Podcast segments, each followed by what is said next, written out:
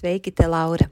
Vai gribi, ka cilvēku jaudas raidieraksts, jeb podkāsts turpinātos ar vēl citām epizodēm par tēmām, kas uzlabo cilvēku dzīves kvalitāti? Ja jā, tad lūdzu palīdzi mums atrast cilvēku jaudas auditorijai piemērotus reklāmdevējus, kuri saprota, cik vērtīga būtu viņu sadarbība ar cilvēku jaudu. Mums tā būtu iespēja sekt regulāras izmaksas, kas saistītas ar jaunu epizožu veidošanu un nodrošināšanu cilvēkiem, lai visiem bez maksas ir pieejama noderīga informācija, kas uzlabo dzīves kvalitāti un palīdz ieraudzīt jaunas iespējas un risinājumus. Ja gadījumā tu esi no reklāmas aģentūras vai tam līdzīga uzņēmuma, tad varbūt tu vari mums palīdzēt ar ieteikumiem un idejām, kā mēs varam sastapt īstos uzņēmumus, kuri būtu priecīgi par sadarbību ar cilvēku jaudu. Mēs meklējam risinājumu, kurā visi iesaistītie ir ieguvēji. Kad apkārtējie jūtas labāk, tad dzīvojam veselīgākā un atbildīgākā sabiedrībā, un jo kvalitatīvāka tad ir cilvēku dzīve. Ja tev ir praktiski risinājumi par to, ko tikko izstāstīju, mēs priecāsimies par tavu ziņu uz info at cilvēkjauda.lv ar informāciju, kā vari mums palīdzēt turpināt šo darbu par to, ko tikko lūdzu. Latvieši neprasa jautājumus. Mums ir jābūt tādiem, nu, bišķi jaukākiem. Ja mēs laikam esam tādi, nu, ak, Dievs, mums šodien sūdīgi, un vienkārši visiem būs sūdīgi, tāpēc, ka man sūdīgi. Improvizācija mani noteikti kā cilvēku pilnībā mainīja. Absolūti mainīja. Tās lietas, kas manī bija, izvilka uz virsmu, ārā, izvilka no manas tās ārā. Nu, tādas, man liekas, labas lietas arī. Ļoti daudz labu lietu. Improvizācija iemāca arī klausīties. Tā kā tādā ziņā, ka tu esi ieinteresēts tajā partnerī, ka tu klausies, ko tas cilvēks runā, tu pieņem, ko viņš saka un tu pievieno savu kaut kādu vēl ar tavu. Tā arī būvēs tā improvizācija. Viens no principiem tādiem, ja mums uz skatuves būs jautri raneti, ja mums būs labi, mūsu viesiem būs labi, mums visiem kopā būs jautri, interesanti, aizraujoši, mēs būsim ziņkārīgi, mēs pētīsim. Jo improvizācijā nekā tev nav uz tā skatuves, bet reizēm sanāk. Uzbūvēt tik interesantu vidi, ka tu tiešām sāc viņu redzēt, tu sāc redzēt tās durvis un tos logus un tos kokus un to vidi. Un tas ir tik interesanti, tas ir tik forši, ka tu uztrenēji savu galvu tā, ka tu tiešām redzi to. Un, liekas, un ja mēs to redzam, un ja mums ir forši, tad visi cilvēki to redz un viņiem ir forši. Es esmu Laura Denlere. Projektā Cilvēka jauda es izjautāju zinātniekus, mediķus, sportistus, uzņēmējus un citus radošus, gudrus un drosmīgus cilvēkus. Šīs sarunas palīdz iepazīt sevi un vairot savu cilvēku jaudu.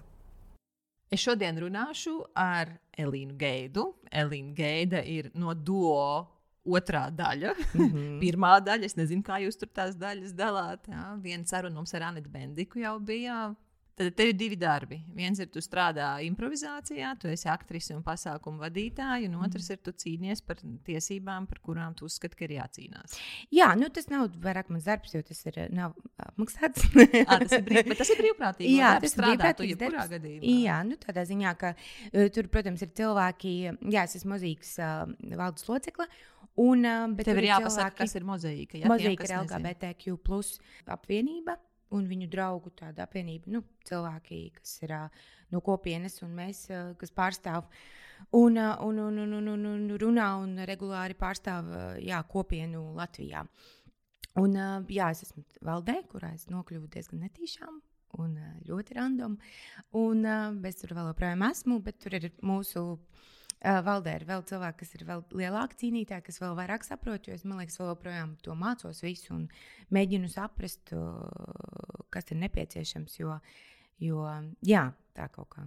Bet uh, no LGBT. Plus, Uh, mm -hmm. Mans iepriekšējais jautājums tev, tad, kad mēs jau iepriekš sarunājāmies, bija, uh, vai tu arī esi viens no šiem cilvēkiem? Tu teici, nu nē, ka tu tā kā nepieskaiti sevi pie tiem cilvēkiem. Tad es tev prasīju, un, a, kāpēc tu tur esi? Mm. Tu vari paskaidrot, kāpēc tur esi? Jā, varu. Um, nē, nu viena lieta man vispār šķiet, ka nu, kā, cilvēku, es domāju, ka tas arī daudziem nebūs jaunums, bet nu, man liekas, cilvēka seksualitāte ir tāds spektrs. Nu, mēs nevaram būt viens, vienā grāvī un tā, mēs esam simtprocentīgi heteroseksuāli, var simtprocentīgi homoseksuāli, homoseksuāli. Un tagad ir tieši arī uh, biseksualitātes redzamības uh, um, mēnesis, un sestdien ir bise biseksualitātes redzamības diena. Man šķiet, ka mēs visi esam kaut kur tajā spektrā kaut kā. Uh, tas tā par mani runājot. Un um, man nekad nav šķitis, ka tur es esmu simtprocentīgi kaut kas. Bet es tur esmu, um, jā, ne sevis dēļ, es tur esmu vairāk tāpēc, ka man ir, um, man ir draugi. Man vienmēr bija tāda ļoti liela negodības sajūta par šo. Um, ļoti liela sajūta, ka man tas vienkārši nešķiet loģiski, uh, ka cilvēki. Cilvēkiem no kopienas, ka, vēl, uh, ka ir kāda stigma saistībā ar viņiem, uh, ka, ka ir kaut kādas tiesības man vairāk nekā viņiem, tāpēc ka vienkārši viņi piedzima tādi, kādi viņi ir. Un, uh, jā, un man ir draugi daudz, uh, arī kas ir no kopienas loģiski. Tagad, kad es esmu um, mūzikā un, un regulāri tiekos ar cilvēkiem, tad man ir vairāk draugu no kopienas. Un tad es skatos uz viņu, kā viņi dzīvo un ko viņiem reizēm nāks par sevi dzirdēt. Vai, vai ko viņiem saka, vai tas ir no ģimenes, vai tas ir no internetiem vispārējā. Man tas, man tas izraisa ārkārtīgi liels skumjas, dusmas un dažādas emocijas. Un tad man ir grūti tā nosēdēt malā un domāt, nu jā, nu tā jau nav mana darīšana. Tas nav par mani. Tas tā, es nē, es te nelīdīšu. Man šķiet, ka tā ir sabiedrības daļa, un es gribu un tas ietekmē mani, arī tas ietekmē arī manu mentālo veselību, ja dara pāri mm, maniem draugiem. Un, um, Jā, un man šķiet, ka ir bijuši arī kaut kādi pētījumi, ka tur, kur ir um, pie, nu jā, stūbi tā atsaukties uz pētījumu, kurus nevaru tagad tā parādīt, bet var iegūglēt un atrast.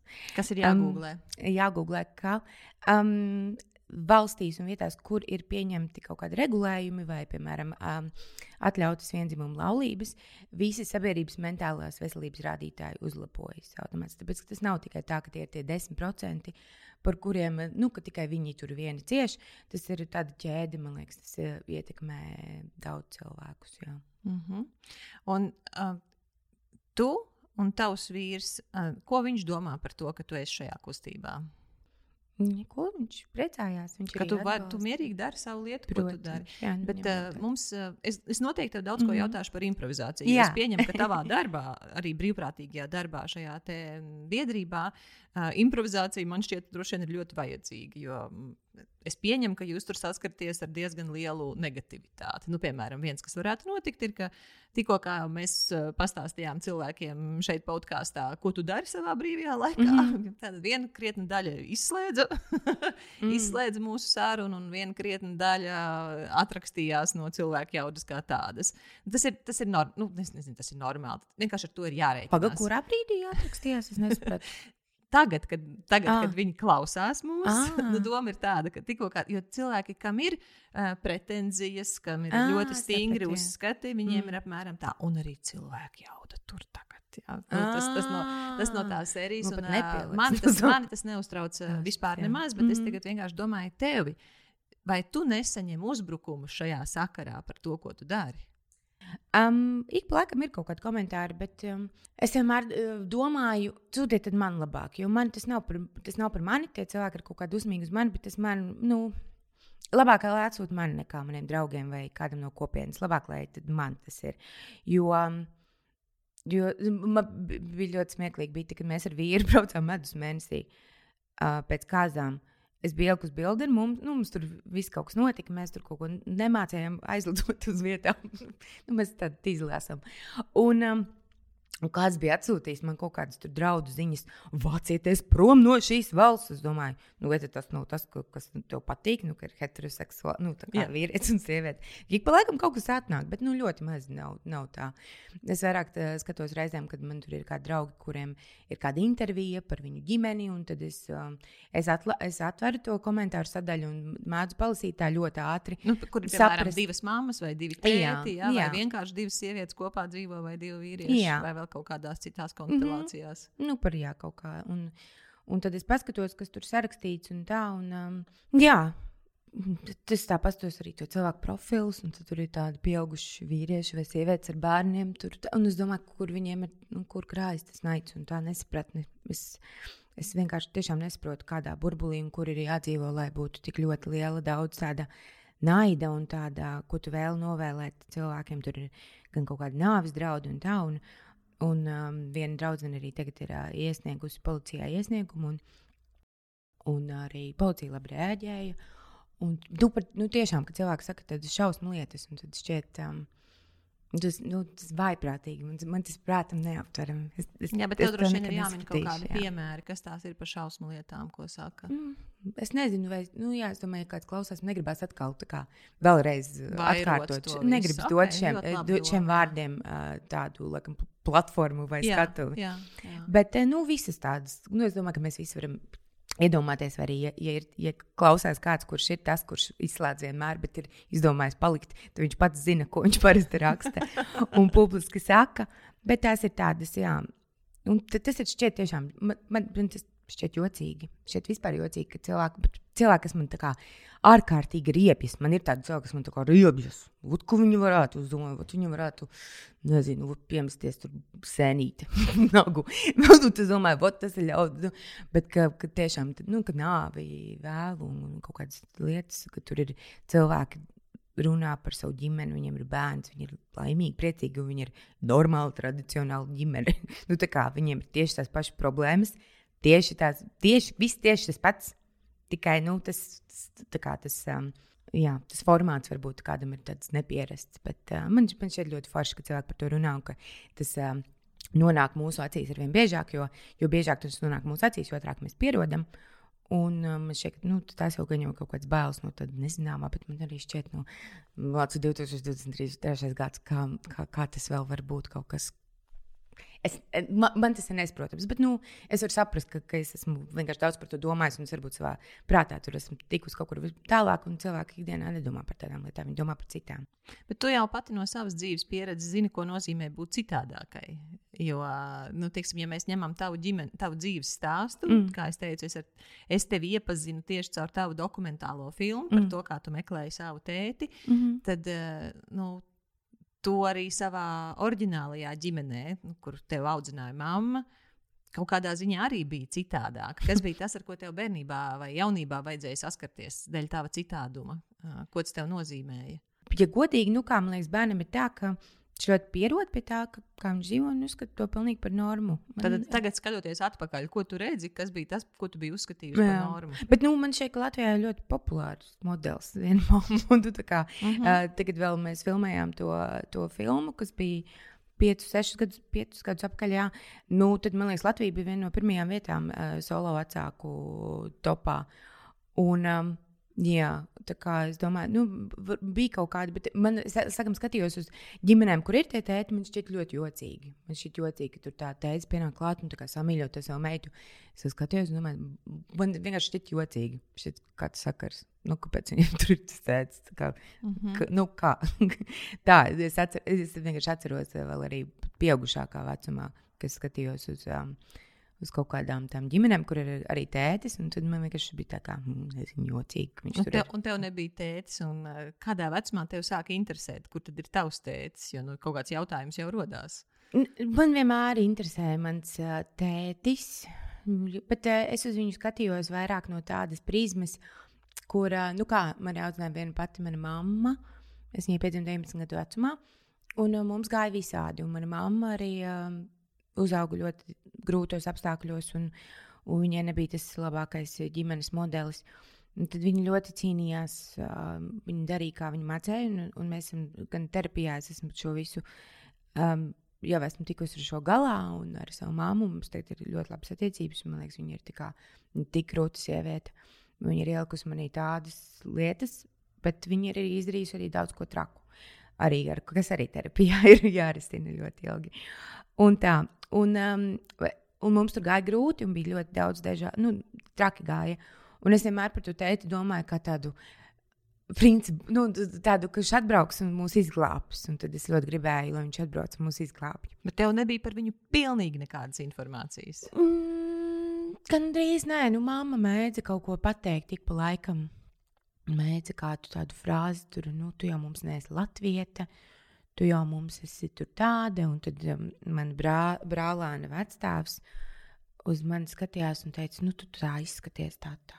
Nu, tu neesi līdzīga nevienam. Tā viņš man tā mhm. teica. Mm -hmm. Un tad es, tad es gāju savā detektīvu izmeklētāju mm, visādos tur. Um, visādos tur meklējumos mēģināju salikt tās frāzes kopā kaut, kā, kaut kādu bildi līmēt. Bet tāda pilnīgi tāda. Es zināju, ka mans, man bija aizdoms, ka mans tētis nav latvietis. Un um, nu, tas arī tā viss, laikam. Tad es tur visu, visu kaut ko izsapņoju, kā viņš tur no kaut kurienes atlaižas un atbrauc. Un tad es viņu redzu un tā. Nu, visādas, visādas domāju par savu tēti. Tā ļoti daudz domāju par viņu. Un ļoti daudz bija izsapņojis, kā es viņu redzēšu un kā mums tur viss tā forši būs. Un tad tu prasīji mammai, lai pastāstītu par tēti, ja tu neprasīji pat viņai. Es prasīju, un tas vienmēr noved pie liela konflikta. Kāpēc? Māma negribēja par to runāt. Viņa negribēja neko, neko man stāstīt. Viņa arī nesaprata, kāpēc es gribu zināt. Viņa to visu tās laucīja malā. Mm -hmm.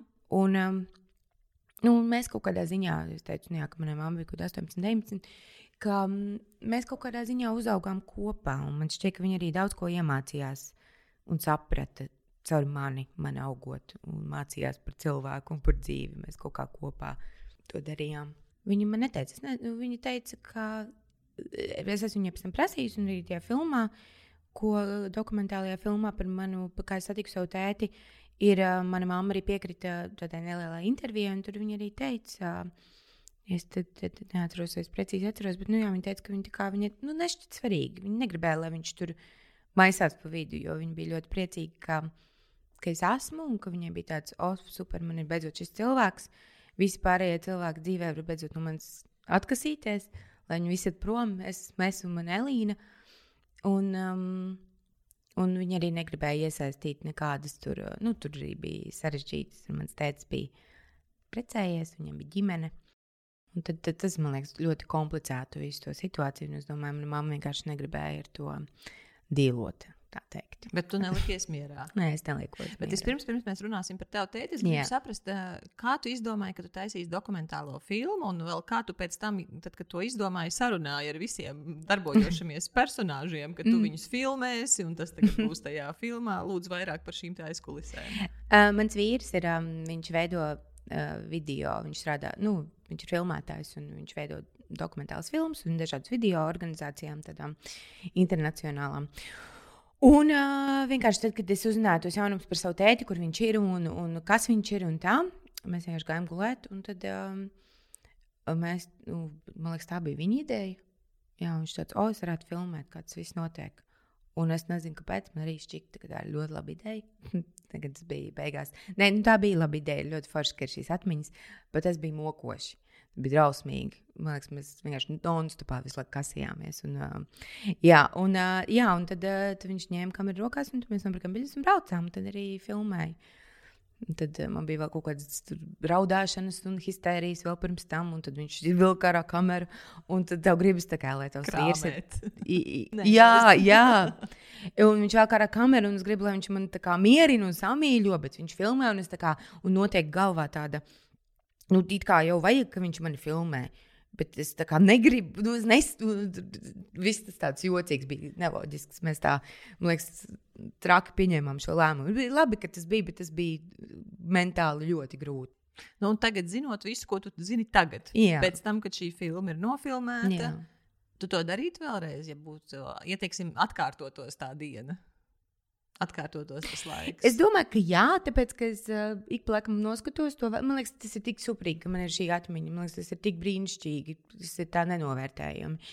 Uh, jā, es to darītu, bet mēs to laikam darītu citādāk. Ko darīt citādāk? Ko darīt citādāk? Es domāju, ka mēs tiešām kārtīgi izrunātu tā, tos brīžus, jo, man, jo mēs tiešām mēs braucām uz turieni divi tā, un man ļoti vajadzēja to cilvēku, kas mani atbalsta un kas man ir klāta un kas man ir tajos brīžos, ka, ar kuriem var parunāt, kā vienkārši ir cilvēki, nevis kā darbinieku, kurš tajā brīdī man filmē. Un, um, tad, tad jūs uzstādītu kameru, un tad viņš tevi mīļot, un jūs tur runājat. Es varu nezinu, kaut kā mēs, gan filmus mēs sadalītu. Gan... Mēs sadalītu. Bet man šeit, ja tu uzdod šo jautājumu manam vīram, vai viņš vēlreiz šo darīt, man liekas, teica, nē. jo es biju tā kā nenormāls uz viņu. Kā, es vairs mani filmēt, es raudu, kā tu nesaproti. Un nu, visu laiku bija kaut kāds drāmas. Mums nu, visu laiku bija drāmas. Es, man, es, man bija viedoklis par to, kā man vajag intervēt un kā man filmēt. Kā, un nu, kā nevajag arī. Jā, jā jo es laiku meklēju, es meklēju, tos, meklēju to sajūtu, kas šajā procesā man šķiet jocīgi. Un tas jocīgais bija tas, ka, jā, ka man vajadzēja ka man nevis tajā brīdī, kad es jūtos emocionāli ievainojama un tāda uh, bēdīga, ka man vajag nevis, ka viņš, nu, tajā brīdī viņš vēl kamerā, man vajadzēja, ka viņš vēl, nu, ka viņš nāk klāt. Tāds kabats lakatiņā. Jā, jā nu, kaut kā, ka viņš ir tur un kaut kā uzklaus un tā. Bet, nu, mēs ar manu vīru mums ir dažādi gājumi, mēs daudz ko esam mācījušies vispār procesā, ko nozīmē būt ar kādu kopā Jā, nu, ku, par, kuru, par kuru ģimeni to nevarētu pateikt. Jā, vai ne? par kurām ilgstošajām oh. attiecībām to nevarētu pateikt. Un tavs vīrs turklāt nav arī latvietis. Nē, man dzīvo nav Latvijas, viņš ir no Lielbritānijas, jā, viņš ir brits. Bet jūs dzīvojat Latvijā? Mēs dzīvojam Latvijā. Kā ir viņam dzīvot Latvijā? Viņam šeit ļoti patīk. Viņam viss ir forši. Jā? Viņam viss ir forši. Izņemot viņam... to sievu, kas reizē liek film... Nē, piekrīt Psihos, filmēt. Jā. Nu, sieva ir viņa lielākā problēma dzīvē. Nē, nu, tas ir normāli. Nu, pats vainīgs. Um, tieši tā, nespiedu, tieši jā. tā. Neviens brīvprātīgi to Tiešām izdarīja. nespiedu, jā. Uh, un, un, uh, bet viņam tie tieši patīk. Un, un, jo man nekad nav bijis tāds sajūta, ka man obligāti vajag dzīvot Latvijā, Latvijā un tā. Es um, nekad neesmu izjutusi to to raudāšanu pie dziesmu svētkiem. Man nekad nav bijis roka dievs, tur un tautas tērps. Nu, man nav, manī nav tādu, diemžēl, es nezinu, kāpēc. Man vienkārši nav tādu sajūtu. Un uh, man bija vienaldīgi, man bija tā, ka es varu, nu, braukt, mēs varam arī dzīvot kaut kur citur, bet ar viņa acīm es tieši kaut kā iemīlēju. Kas tas Rīgu bija? Ko tu redzēji caur viņa acīm? Viņ, viņam ļoti patīk Rīga. Ir tāda kompakta, ka viss ir ļoti tuvu, viss ir ļoti tāds, ka viss ir ļoti tīrs un ka viss ir kārtīgs, ka nav jāpavada stundām ilgi. Nē, nu, gan man liekas, ka ir sabiedriskajā transportā, ka visur var ātri tikt un tā. Nu, es domāju, ka viņa galvā viņš to salīdzina ar Londonu, kas, manuprāt, ir tāda, ka, ja tur dzīvo cilvēks, tur var sajusties ļoti vientuļi. Un man šķiet, ka um, Rīga tomēr kaut kā atvieglo to, ka Rīgā kaut kā viss ir blakus, viss ir tāds, viss ir smuki. Viņam ļoti pat, viņam patīk Rīgā. Jā. Kad mēs cūdās par latviešiem daudz, par to, cik mēs esam, nu, ka latvieši nav īpaši pieklājīgi tādi, ka nu, viņam tomēr svarīgi, ka viņam pasaka to labdien, lūdzu, paldies. Britiem ir noteikumi, un vīram ir noteikumi, kā no jānotiek komunikācijai, cikos drīkstēs sushi, cikos nedrīkst. Nu, viņam ir noteikumi. Random es, vienkārši, es vienkārši domāju, kā, kā, kāda ir mana noteikuma. Tā kā es ar mm. šveicieti dzīvoju kopā, es pēkšņi saprotu, manam šveicietim nav nekāda noteikuma, izņemot to, ka viņš man bieži neļauj runāt, lai es kādam netīšām runājot ļoti pieklājīgi, latviešu, e, neizrādos e, rupeklē, šveiciski, lai gan es neesmu pateikusi nevienu lamu vārdu, nevienu pārmetumu, neko, bet vienkārši nu, tāpēc, ka nu, citādāka kultūra ir. Kādā ziņā tā kā kaut kāds viņi ir ļoti, pie, viņi ir ļoti pieklājīgi, un, ja, piemēram, nu, es, uh, man uh, draugi stāstīja, teiksim, ka viņiem ir grūtības ar šveiciešiem, ar vāciešiem jau ir grūtības, lai gan neskatoties uz to, ka viena runā vāciski, nu, tā kā mm -hmm. šveicis tādā dialektā, un otra runā nu, tiešām vāciski. Un tad kā viņi teica, ka eh, tiem šveiciešiem ir problēma, kad vācietis atbrauc uz Šveici un tagad sāk strādāt Šveicē. Un, jo viņš runā vāciski, viss jau ir saprotams, vai ne? Bet yeah. viņiem ir tiešām grūtības tieši dēļ kultūras atšķirībām. Mm -hmm. Viņš teiks, vācietis pateiks tā, bet mm. šveicietim tas būs vienkārši kā var būt tik rupji. Ja, tas, ko tu teici, ka tavs vīrs saka, ka latvieši nav mhm. pietiekami pieklājīgi, vienkārši nu, tā ir citādāka uztvere. Un tad es viņam teicu, nu, pasakiet man piemēru. Un viņš man teica, piemērs ir tāds pie tevis atnāk darbā šefs mm -hmm. un te saka, klausies. Nu, tā lieta, ko tu tur uh, uzrakstīji tajā e-pastā, nu, tas nebija bišķiņā tā labi.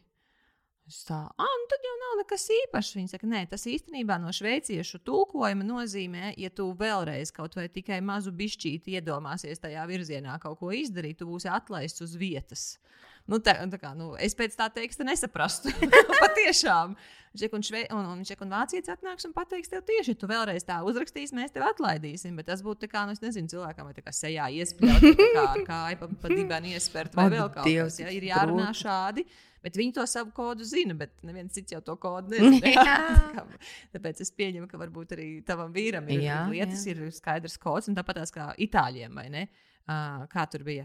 Uh, kafiju dzer Jā. Pēc deserta. Vispirms deserta, tad kafija. Jā, laikam. jā, vai arī krosāns ēd tikai no rīta. Jā, neviens Trās. vakarā viņus tur nē.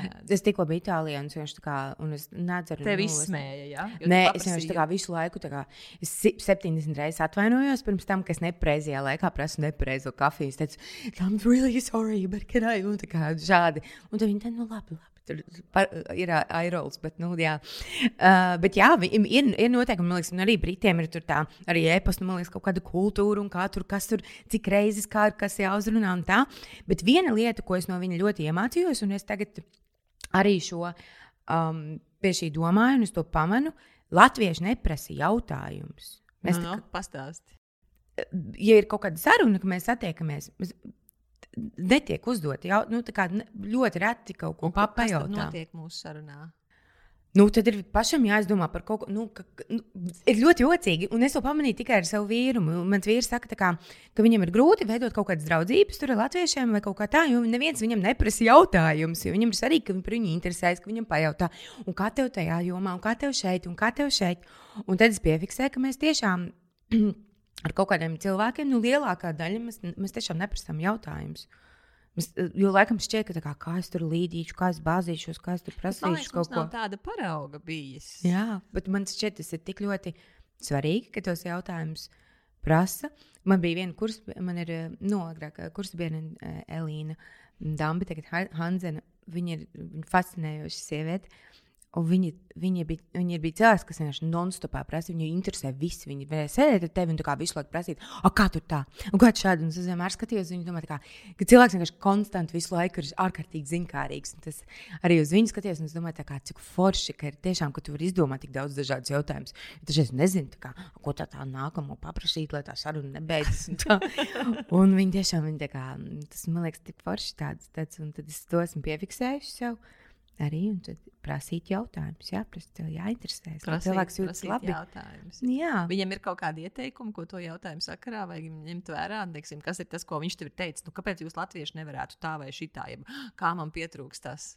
Jo, zināmā mērā, mēs jau sevi no malas neredzam. Mēs jau mm. sevi no malas redzam tikai tad, kad mēs esam ārzemēs un tad, kad cilvēks kaut ko pajautā. Piemēram, mm. man vīrmāte man aizsūtīja uz dārzu pēc lokiem. Es aizgāju uz dārzu un es arī atnesu viņai tos mhm. lokus. Mm. Viņa man saka, ka Dievs, tu man esi visus sīpolus izpostījusi. Mm -hmm. Es saku, nu, nē, taču, bet tu man pati prasīji, lai es tev lokus atnesu. Es mm. katra tā sīpola esmu pa vienam lokam norāvusi. Tad tie tavi sīpoli aug tālāk. Viņa saka, bet šitos lokus taču neviens nēda.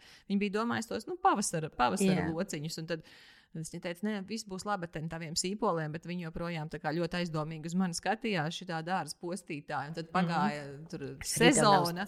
Jā, pagāja sezona, un viņi teica, nu, izdzīvoja tie tevis sapostītie sīpoli. Es nezinu, nu tie loki īstenībā ir arī ēdami, bet nu, tas bija tāds mm. ļoti liels adaptācijas periods, un mēs runājam tikai par kaut kādiem tādiem. Tā kā, kas ir tas, ko tavs vīrs teiksim, ir novērojis vai iesaka? Nu, tik smieklīgi par tiem sīkām. Es domāju, ka tik daudz, es esmu daudz dažādu noteikumu. Nu, viņam ļoti daudz ir tas smalltalk kaut kādā ziņā arī. Um, bet um, viņš ir. Kāds um, laiks ārā, ko es domāju par jā, šo laiku, ko tu tas, domā par šo aiz, laiku? Jā, bet tas aizved tomēr līdz. Pat ja tu prasi no sākuma kaut kādas muļķīgas lietas, man liekas, latviešiem kaitina tas, nu kā tev iet, nu kā iet, nu normāli. Nu. Ko es tev tagad visu stāstīšu? Vai ne? Iet, jā. Jā, un tad Latvijas sāk stāstīt par tiešām, kā viņam iet. Viņam kā, mm.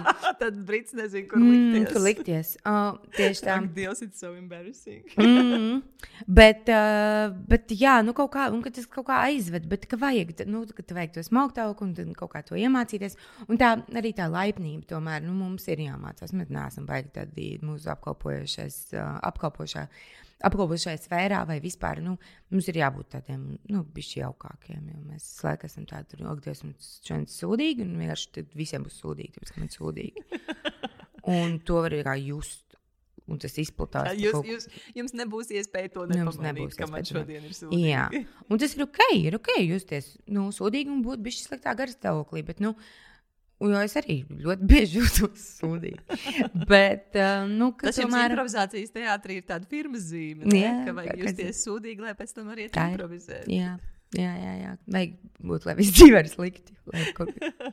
Lai, kur... Ceru, ka cilvēki saprot man melno humoru. Jā. Nedomā, ka es tev tagad braucu virsū, ja es te uzjautrinos. Nē, tā ir nu, tieši tā kā. Tātad tu, tev ir ārzemju vīrs. Jā. Un tad, tad tu uzzini, ka tev ir arī ārzemju tētis. Tu vari pastāstīt par to vairāk, lūdzu. Kā tu beigās dabūji no mammas to informāciju un, un, un, un ko tu konstatēji un kā mm. tev vispār izdevās izveidot kontaktu ar tēti. Un filmu visiem jāskatās, iesaku. Mm. Man, ļoti, man ļoti patīk.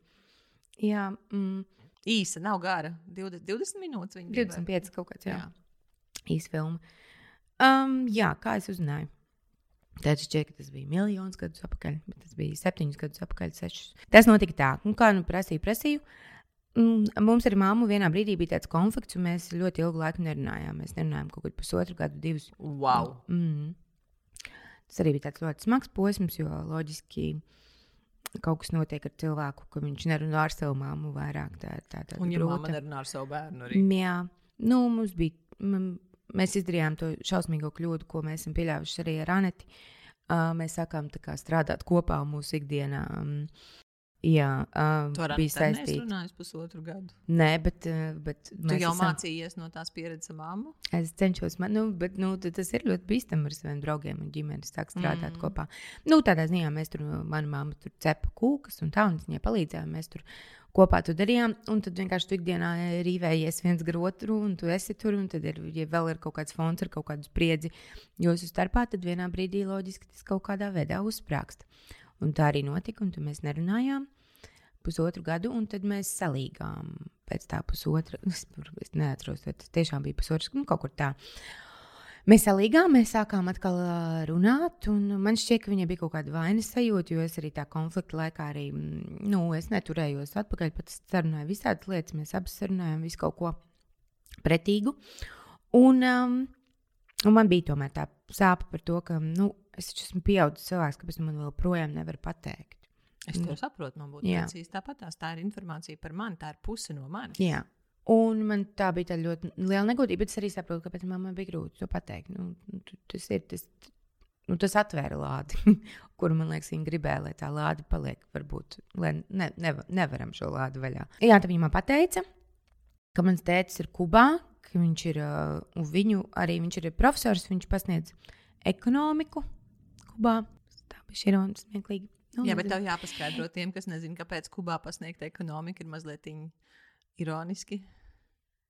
Nu, kā, man bail arī iebirsties kaut kā skaidrojot Kubas ekonomisko situāciju vai vēl kaut ko, jo tur uzliek kaut kas mainās. Kubā šobrīd ir līdzīgi kā ir Padomju Savienībā bija tādos trakākos laikos. Nu, es te tur runāju ar savu tēti, nu, viņiem nav. Viņiem regulāri nav nekādu ēdienu, nu, viņiem nav ēdiena. Viņiem tur eh, tādu nevar dabūt ēdienu, tādu nevar dabūt slēdzarā elektrību. Viņš pelna cik tur tos 40 eiro mēnesī. Nu, nu jā, tur ir tāds diezgan tāds, eh, tāds komunistisks režīms šobrīd. un Tāds, um, jā.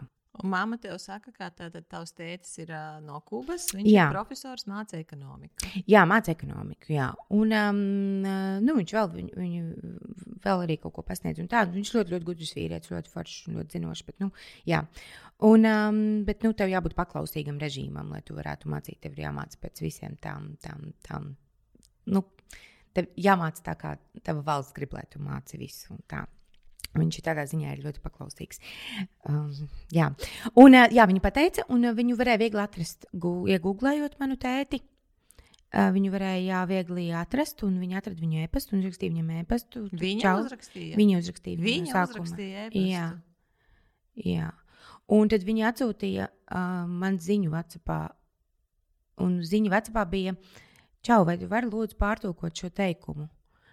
Un viņa bija uzrakstījusi to teikumu, un, es, un tas teikums bija, tie teikumi bija, čau, tas varbūt ir vecums vai kas cits, vai sajūgšana prātā, bet es gribēju, lai tu zini, ka tev ir meita. Un uh, viņa netīšām bija atsūtījusi to ziņu. Viņa laikam gribēja kādam citam to sūtīt, vai manai māsai, vai arī savai māsai, kas arī ir Elīna. Lai, pa, pa, un es atceros to brīdi, kad es izlasīju, un es saprotu, kas notiek paralēli. Un es nezināju, ka tas notiek paralēli, ka mana mamma ir šodien izdomājusi to darīt, un izdomājusi no sākuma viņu sazināties, noskaidrot to situāciju, un to man teikt. Un es izlasīju to ziņu, un es teicu, kas tas ir. un Viņa teica, nu, laikam, liktenis. Nu, jo viņa netīšām bija Bet Tas atsūtījusi. bija angliski, latviešu. Jā, Latvijas viņa bija uzrakstījusi. ah, Un vienkārši palūgusi, lai pār, pārtulkotu angļu valodu. Mm. -hmm. Jo mana mamma bija uzrakstījusi viņam no sākuma krievu valodā e-pastu, viņš bija domājis, ka kaut kāda krievu spiegi un teikuši, kā lūdzu, nesūtiet man krievu valodā un sūtiet man angliski. Un, bet, nu, es nezinu, ko mans tēvs bija domājis savā galā. Viņš ļoti interesants vīrietis. Un, um, viņ, jā, un viņš bija izdomājis, ka. Jā, ka kaut kas viņam tur aizdomīgi, nevajag rakstīt viņam krieviski. Lai gan te, te, viņi apzinās, viņi laikam komunicē savā, valodā, eh, savā, savā starpā krievu valodā. jo Viņš, run, viņš saprot krieviski. Jā, tad es sapratu, kas notiek. Es tur kritu uz zemes, mans vīrs sēdēja uz dīvāna, bija absolūti histērijas, bija pilnīgā šokā. Es kliedzu, raudāju, es vienkārši nesaprotu, kas notiek. Un tad es pēc brīža nomierinājos, un tā kā man prasīja manai mammai, kas notiek, viņa tā, nu, tu laikam saprati, kas notiek, bet jā, re, kur ir tos tētis, ar viņu sazinājos, re, kur ir viņa bilde. Re, kur, re, kur viņš man ir atbildējis, viņš viņai atbildēja to e-pastu, viņa sāk runāt, viņš viņa paskaidroja situāciju. Ko viņš viņai atbildēja? Nu, viņš bija ļoti priecīgs. Viņš bija priecīgs to uzzināt, un viņš bija ļoti pārsteigts, ka viņi ir viņu sazinājusies. Viņš viņu at, atcerējās, un, un tā, un viņš bija šokā, bet priecīgs ļoti un, un satricināts. Un viņa teica, tā, es vairs ar viņu negribu dīlot, tagad rekur viņa e-pasta adrese, runājiet savā starpā. Un, tā. un tad es viņam uzrakstīju, un mēs visu to naktī sarakstījāmies e-pastiem. Un tā bija, jā, es, ne, es neaizgāju gulēt, es paliku visu nakti augšā.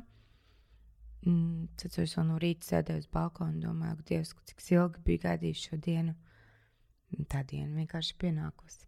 Grūti izskaidrot tās sajūtas cilvēkam, kas nav varbūt tādas nu, piedzīvojušas. Tas ir viens no tām sajūtām, kuras laikam tu nu, pašam, ir, pašam ir jāuzaug bez tēta, un viņš jāsteik, lai saprastu, kāds, kāds ir. Bet um, manā gadījumā tas bija ļoti pozitīva pieredze. Es nevaru uh, nu, būtu tā viegli prātīgi no manis teikt, ejiet, satieciet savus tēvus, un tā, jo tie stāsti ir dažādi. Es arī esmu daudz cilvēku. Kāds var ritīgi aplausties? Kāds var ļoti aplausties. Jā, kāds var ļoti, ļoti aplausties. Un uh, manā gadījumā es bišķiņu aplausos, bet arī forši bija. Viņš bija ļoti priecīgs, viņš bija ļoti, mēs esam ļoti līdzīgi, un mums ir kaut kas, man bija tik ļoti liela tā vēlme uzzināt, nu, kas tad manī ir no viņa. Mm -hmm. Un uh, viņu satiekot, es arī sapratu, jo es vienmēr esmu domājis, ka, nu, kā, ka cilvēks tomēr ir tāds, kādu viņu, nu, kā, kā viņu audzina, tāds viņš izaug. Nu, tur nav nekāda. Nav nekāda. Jā. Jā. Nē, nu, protams, ka ir kaut kāda, bet nu, ļoti minimāla. Mm -hmm. Tad, satiekot savu tēti, es sapratu, cik ļoti spēcīga tā ir. Nu, piemēram. Ne, man visas, man liekas, tādas nenormālas īpašības ir no viņa. viņš ir tāds, nu, ak, Dievs, viņš ir nenormāli spītīgs. Ļoti temperamentīgs. Viņš ir šādi sadusmoties, un tad viss, nu, lai zeme, nu, visa zeme nodeg. Man arī tā ir.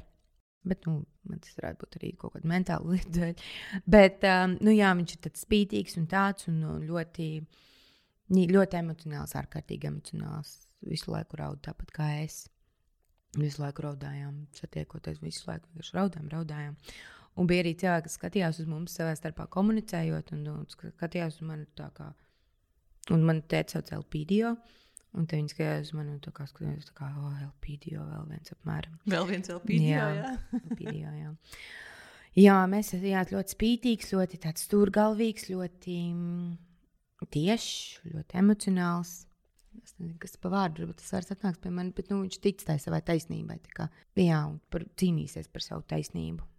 Tālūk, kas arī izraisīja ļoti daudz konfliktus, un es arī ar savu tēti nerunāju kādu laiku um, bija, bet nu, mēs atkal komunicējam, jo, nu, diemžēl, gan uh, valsts ietekmes dēļ, gan, gan nu, vis, nu, arī veco attiecību dēļ, kas Kubā ir ar Krieviju. Uh, tagad sākās Ukraiņas kar, uh, karš Ukrainā, Krievijas iebrukums. Uh, tad, um, mans tētis uh, nesaprata, par ko es bēdājos. Viņam tas šķita tādas labas ziņas. Un tad mums, man bija neiespējami kaut ko tādu dzirdēt, un tad es, man bija tāds, nezinu, ne, nespēju. nespēju. Tu tā Bet, kā tev nebija tēvs, tu biji visu savu dzīvi mm. līdz 28 gadiem, ilgojusies pēc tēta. Jā. Tad tu dabūji tēti, tad jums kādu laiku bija jā. labas attiecības, līdz sākās Ukraiņas karš, un tu atkal pazaudēji tēti. Savā ziņā, jā, bet es viņu tagad atkal esmu atguvusi. Kā to dabūja? Jums, jums bija pārtraucis vispār kontakts. Jā, mēs ja? nerunājām. Tā kā nerunājāt. Ne. Cik ilgi? Nu, mēs atsākām komunicēt. Um, kaut kā es ar saviem vecākiem nerunāju konstantu pusotru gadu. okay. Tur droši vien darbs psihoterapeitam. Jā, jā, jā. Nē, nē, nē. Uh, nu, mēs sākām runāt kaut kādu. Nu, Pavasarī, laikam. Mm -hmm. Jā, mums bija par to sarunu, jo viņš vienmēr man saka, ka jālasa tās ziņas Tā kā jālasa no tā galvenā tā, tā avota, mm -hmm. nu, kas ir piemēram par kubu, jālasa no kubas ziņām. Jā, jā, jā, par to nu, jālasa no tur, nu, nu, nezinu, cik tur kubas ziņās ir patiesība. Nu, nu, es viņam teicu, nu, tā, kur tad tā tava patiesība, tad lasi lūdzu ziņas no Ukrainas, nelasi no Krievijas mēdījiem. Jā. Un tā arī kaut kā, man liekas, un tad mēs atsākām runāt, un viņš teica, jā, ka viņš ir pārsteidzies ar to, ar saviem spriedumiem. Tad viņš bija tas, situāciju. kurš pirmais izdarīja soli tādā virzienā. Jo man liekas, ka tas, tas ir diezgan cilvēkiem var gadīties šīs te sarautās saites ar kādu no savas ģimenes. Kā, kā to dabūja gatavu, ka jūs atkal nokārtojāt attiecības par tik spēju? Jo tu teici, ka viņš ir ļoti, viņš ļoti ietiepjas mm -hmm. uz Mhm. savu taisnību. Jā, nu, e- es uzsāku, es gribēju zināt, kāda ir situācija, nu, kā viņš ir gados. Cik viņam ir? Viņam ir 76. Nu, Mhm. mm -hmm. Neatceros tagad precīzi. Jā. Jā, bet nu, viņam ir late 70s tādā ziņā. Un, um, un viņš, uh, jā, un es domāju, nu, ka būtu stulbi kaut kā neredzēt viņu vēlreiz. Un tad es viņam uzrakstīju. Uzrakstīju un skatījos, kā tas iet uz priekšu. Un, un, un, un, un kaut kā tas arī, un kaut kā mēs esam atraduši atkal to ceļu viens pie otra, par ko es ļoti priecājos. Jo tas ļoti ietekmē cilvēku, jo viņi vecāki ar viņu nerunā. Mm. Tu vēl tur tā, tu ar tādu pieredzi ar mammu jau paspēji. Kur es varu kasīties? Bet nu, viņi abi divi arī nenormāli. Es nenormāli, viņi nenormāli. Visi mēs nenormāli. Es pat domāju, kā, kā es tik norm, normāli salīdzinoši esmu ar tiem abiem diviem.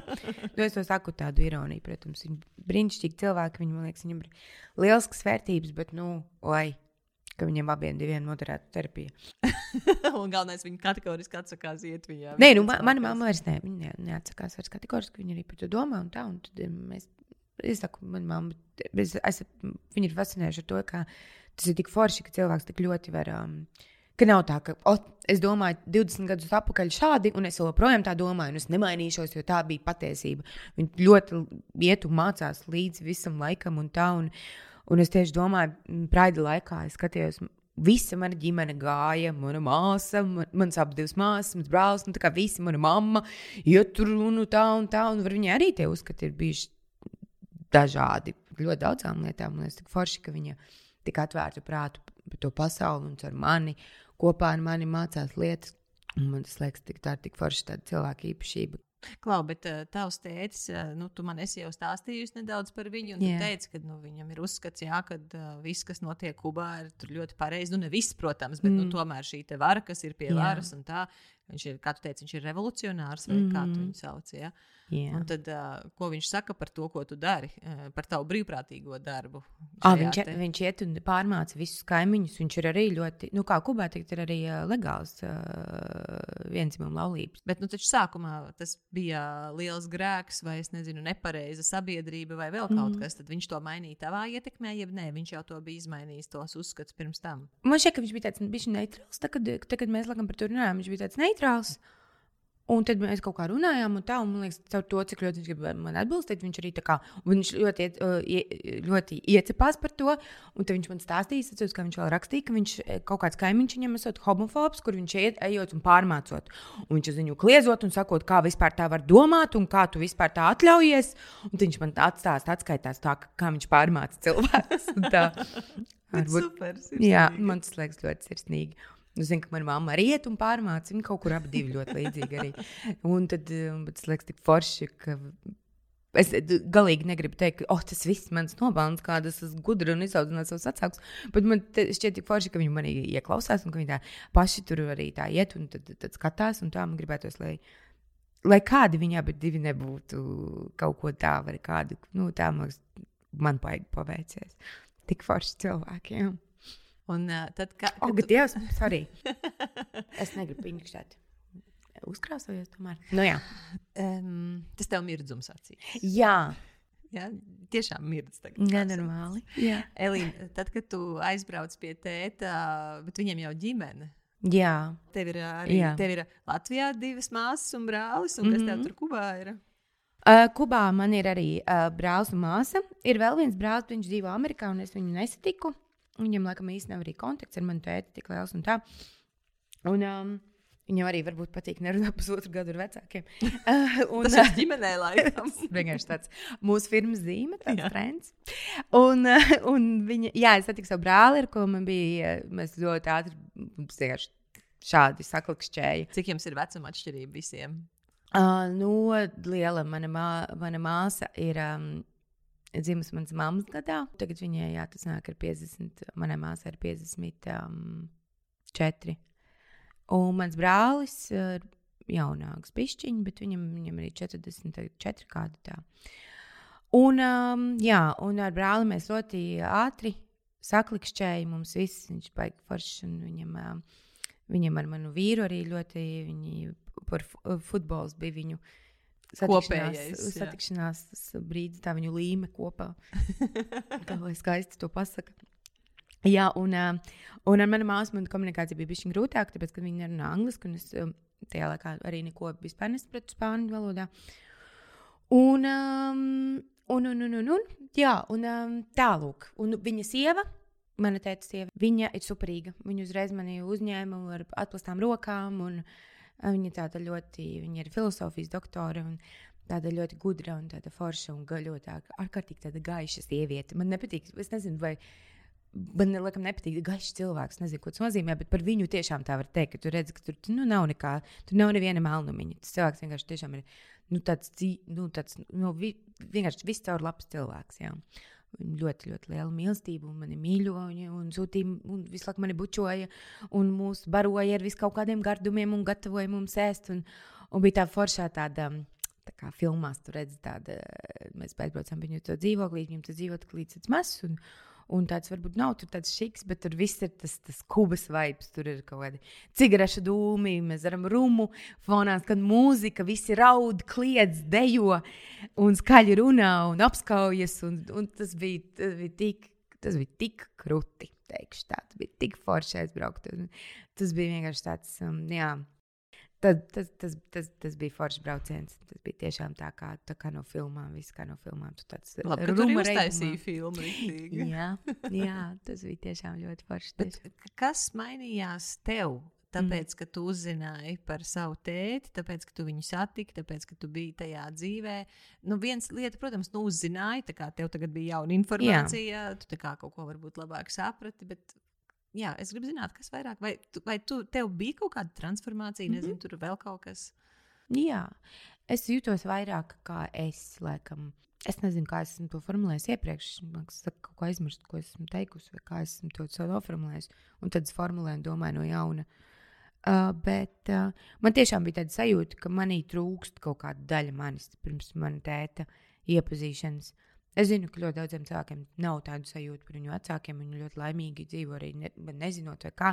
Bet, tas ir pilnīgi normāli. Man šķiet, tas ir katram sav, sava lieta. Bet man bija tā, tā sajūta, ka man tiešām kāds trūkst. Ka es gribu paskatīties uz to cilvēku un redzēt, nu, kas man no viņa ir. Nu, vai, nu, kā, kā viņš izskatās, kāds viņš ir, kā viņš runā, kā viņš kustās. Man pat nevajadzēja tik daudz kaut kādas tur ārkārtīgi labas attiecības. Man vienkārši vajadzēja viņu redzēt. Un, um, jā, pēc tam, un to visu man likās, ka, tā kā, jā, ka, pilnīgi, ka, ka tā kā tas kaut kā tā burciņa, tāda, tāda pielieta pilna. Ka ir, nu, ka tā, nu, grūti šo aprakstīt, ne, nepasaka kaut, kaut ko ļoti banālu, bet tā kā tiešām tāda kā puzles gabaliņš, kas trūka kaut kur. Mm, Pielikts klāt tāda liela daļa puzles. Un, un es tiešām es jūtos vairāk kā es. Es sev kaut kā vairāk sapratu, vairāk sajūtos. Jā. Pēc tā, ko es ilgojos, es, es, da, es, es iegūstu to, pēc kā es ilgojos ļoti. Un jā, es jūt, jūtos tāda pilnīgāka, tāda sakārtotāka, tāda, ka es esmu, es esmu gatava. Nu, nu tādā ziņā Viengabalainā. viengabalaināk. Jā, es mēģinu kaut kā izdomāt, kā tu noformulēt to sajūtu. Un, bet, nu, protams, jau neesmu nekāda viega- viengabalaināka. Tāpat tas ir mū, mūžīgi jāstrādā pie sevis, lai tu esi gatavs un vesels un, un, un, un, un, un, īsts un labs. Un tā. bet tas izdarīja ļoti lielu darbu. Jā, mana tēta satikšana man tas. Un uh, jūsu improvizācijas uh, duets ar Jā. Aneti.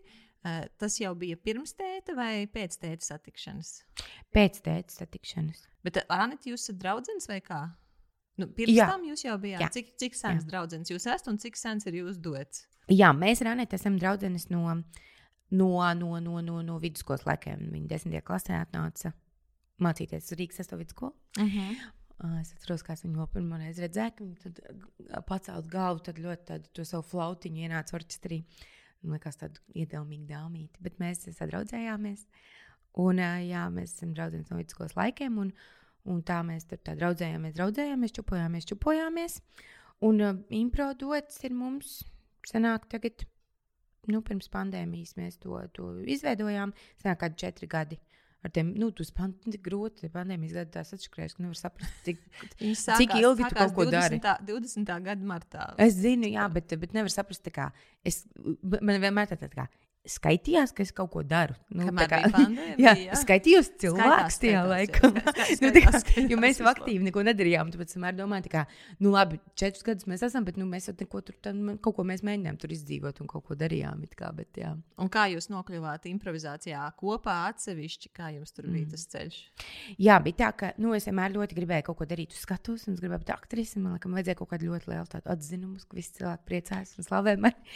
Un uh, kaut kā ļoti man gribējās, bet man nepaņēma kultūra, uh, kultūras akadēmijā, kas man Tu bija liela- stājies, ja? Es stājos, mm -hmm. jā, Mhm. un kas man bija liela pārdzīvojuma. Raudāju, gāju lietu un kritu gar zemi. un Tiešām, slikti. jā? Jā, es šausmīgi Jā? pārdzīvoju. Oh, ka Uz Dievs, kā pārdzīvoju. kriti vai Mm? -hmm. nu, ļoti dramatiski. Es esmu man tā kā šķiet, ka visur filmā. Drausmas. Nu, bet nu, man bija arī 19 gadi. Tā, kā es biju, tā prāta bija arī mazāk. Un um, man tā vismaz eh, gribētos ticēt. Tad tu kriti uz ielas. I, lejā, i, jā? es gāju ar savu, savu tālu, bet es jau improvizācijā jau biju sākus iet, un tad sāku akadēmijā. Gribēju stāties, un man bija mans uh, improvizācijas no manas grupas, mans uh, uh, draugs un kolēģis Jānis. Un, un viņš mani turēja, un, un es atceros, viņa, viņš arī, viņu arī nepaņēma. Es tur izkrītu mm -hmm. kaut kādā trešajā, ceturtajā kārtā, un es atceros ārā lietus, un es gāju basām kājām, un tur kā, un es atceros, ka tajā vēl tajā zirgu pasta, tajā pagalmā, mm -hmm. tur kritu uz zemes un raudāju drausmīgi, kā es raudāju tajā lietu, ak, Dievs, kā es pārdzīvoju. Bet tad es saspītējos, apvainojos un teicu, labi, jums man nevajag, man jūs arī nevajag.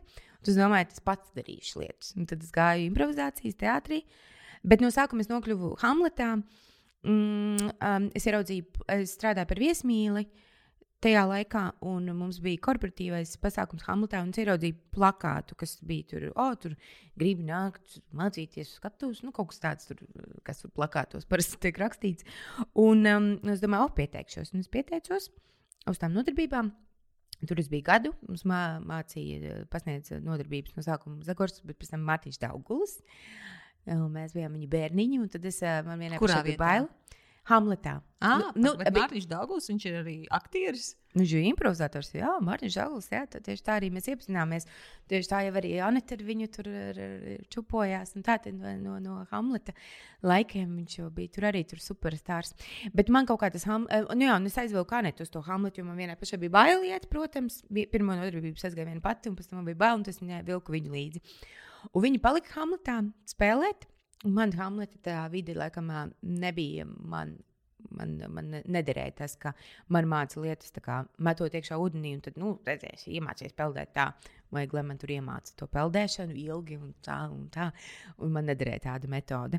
Es laikam esmu tāda pati tā kā tu. Jā, jā. Anitē jau derēja, laikam, bet viņa kaut kā tur arī Ar Anitu cīnījās. pārgājienos. Laikam Jā. jā. jāuzmanās, kas Nē, tur būs. Nē, viņi mums pat brīnos, kā viņi tur tā, jo viņi arī nav tādi, man liekas. Bet es nezinu, kaut Jā. kā viņi, viņai aizgāja tas Hamlets. Un, un, um, Viņai arī varbūt bija vairāk tāda dabas dota talanta, kā man tajā improvizācijā, varbūt tādā skatuves lietā man, vajag, man vajadzēja mācīties un ļoti daudz kam kāpt sev pāri.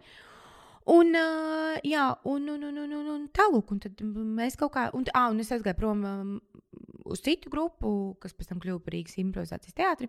Nu, jā, un es gāju citur, un viņi palika Hamletā, un tad mēs kaut kā tā visu laiku spēlējām, nu, tur vēl kaut kādos kolektīvos un visu kaut kur. Un viņa vēl tur karaliskajā improvizācijas teātrī vēl arī spēlēja, un tad mēs tā atsevišķi spēlējām. Un tad, nu jā, kad mēs izdomājām par improvizācijas teātri div, divas, tad mēs sapratām, nu, tā kā, nu, lai visi pārējie iet, iet prom, mēs tad divi tā. Jā, Un tu teici, mums apriebās.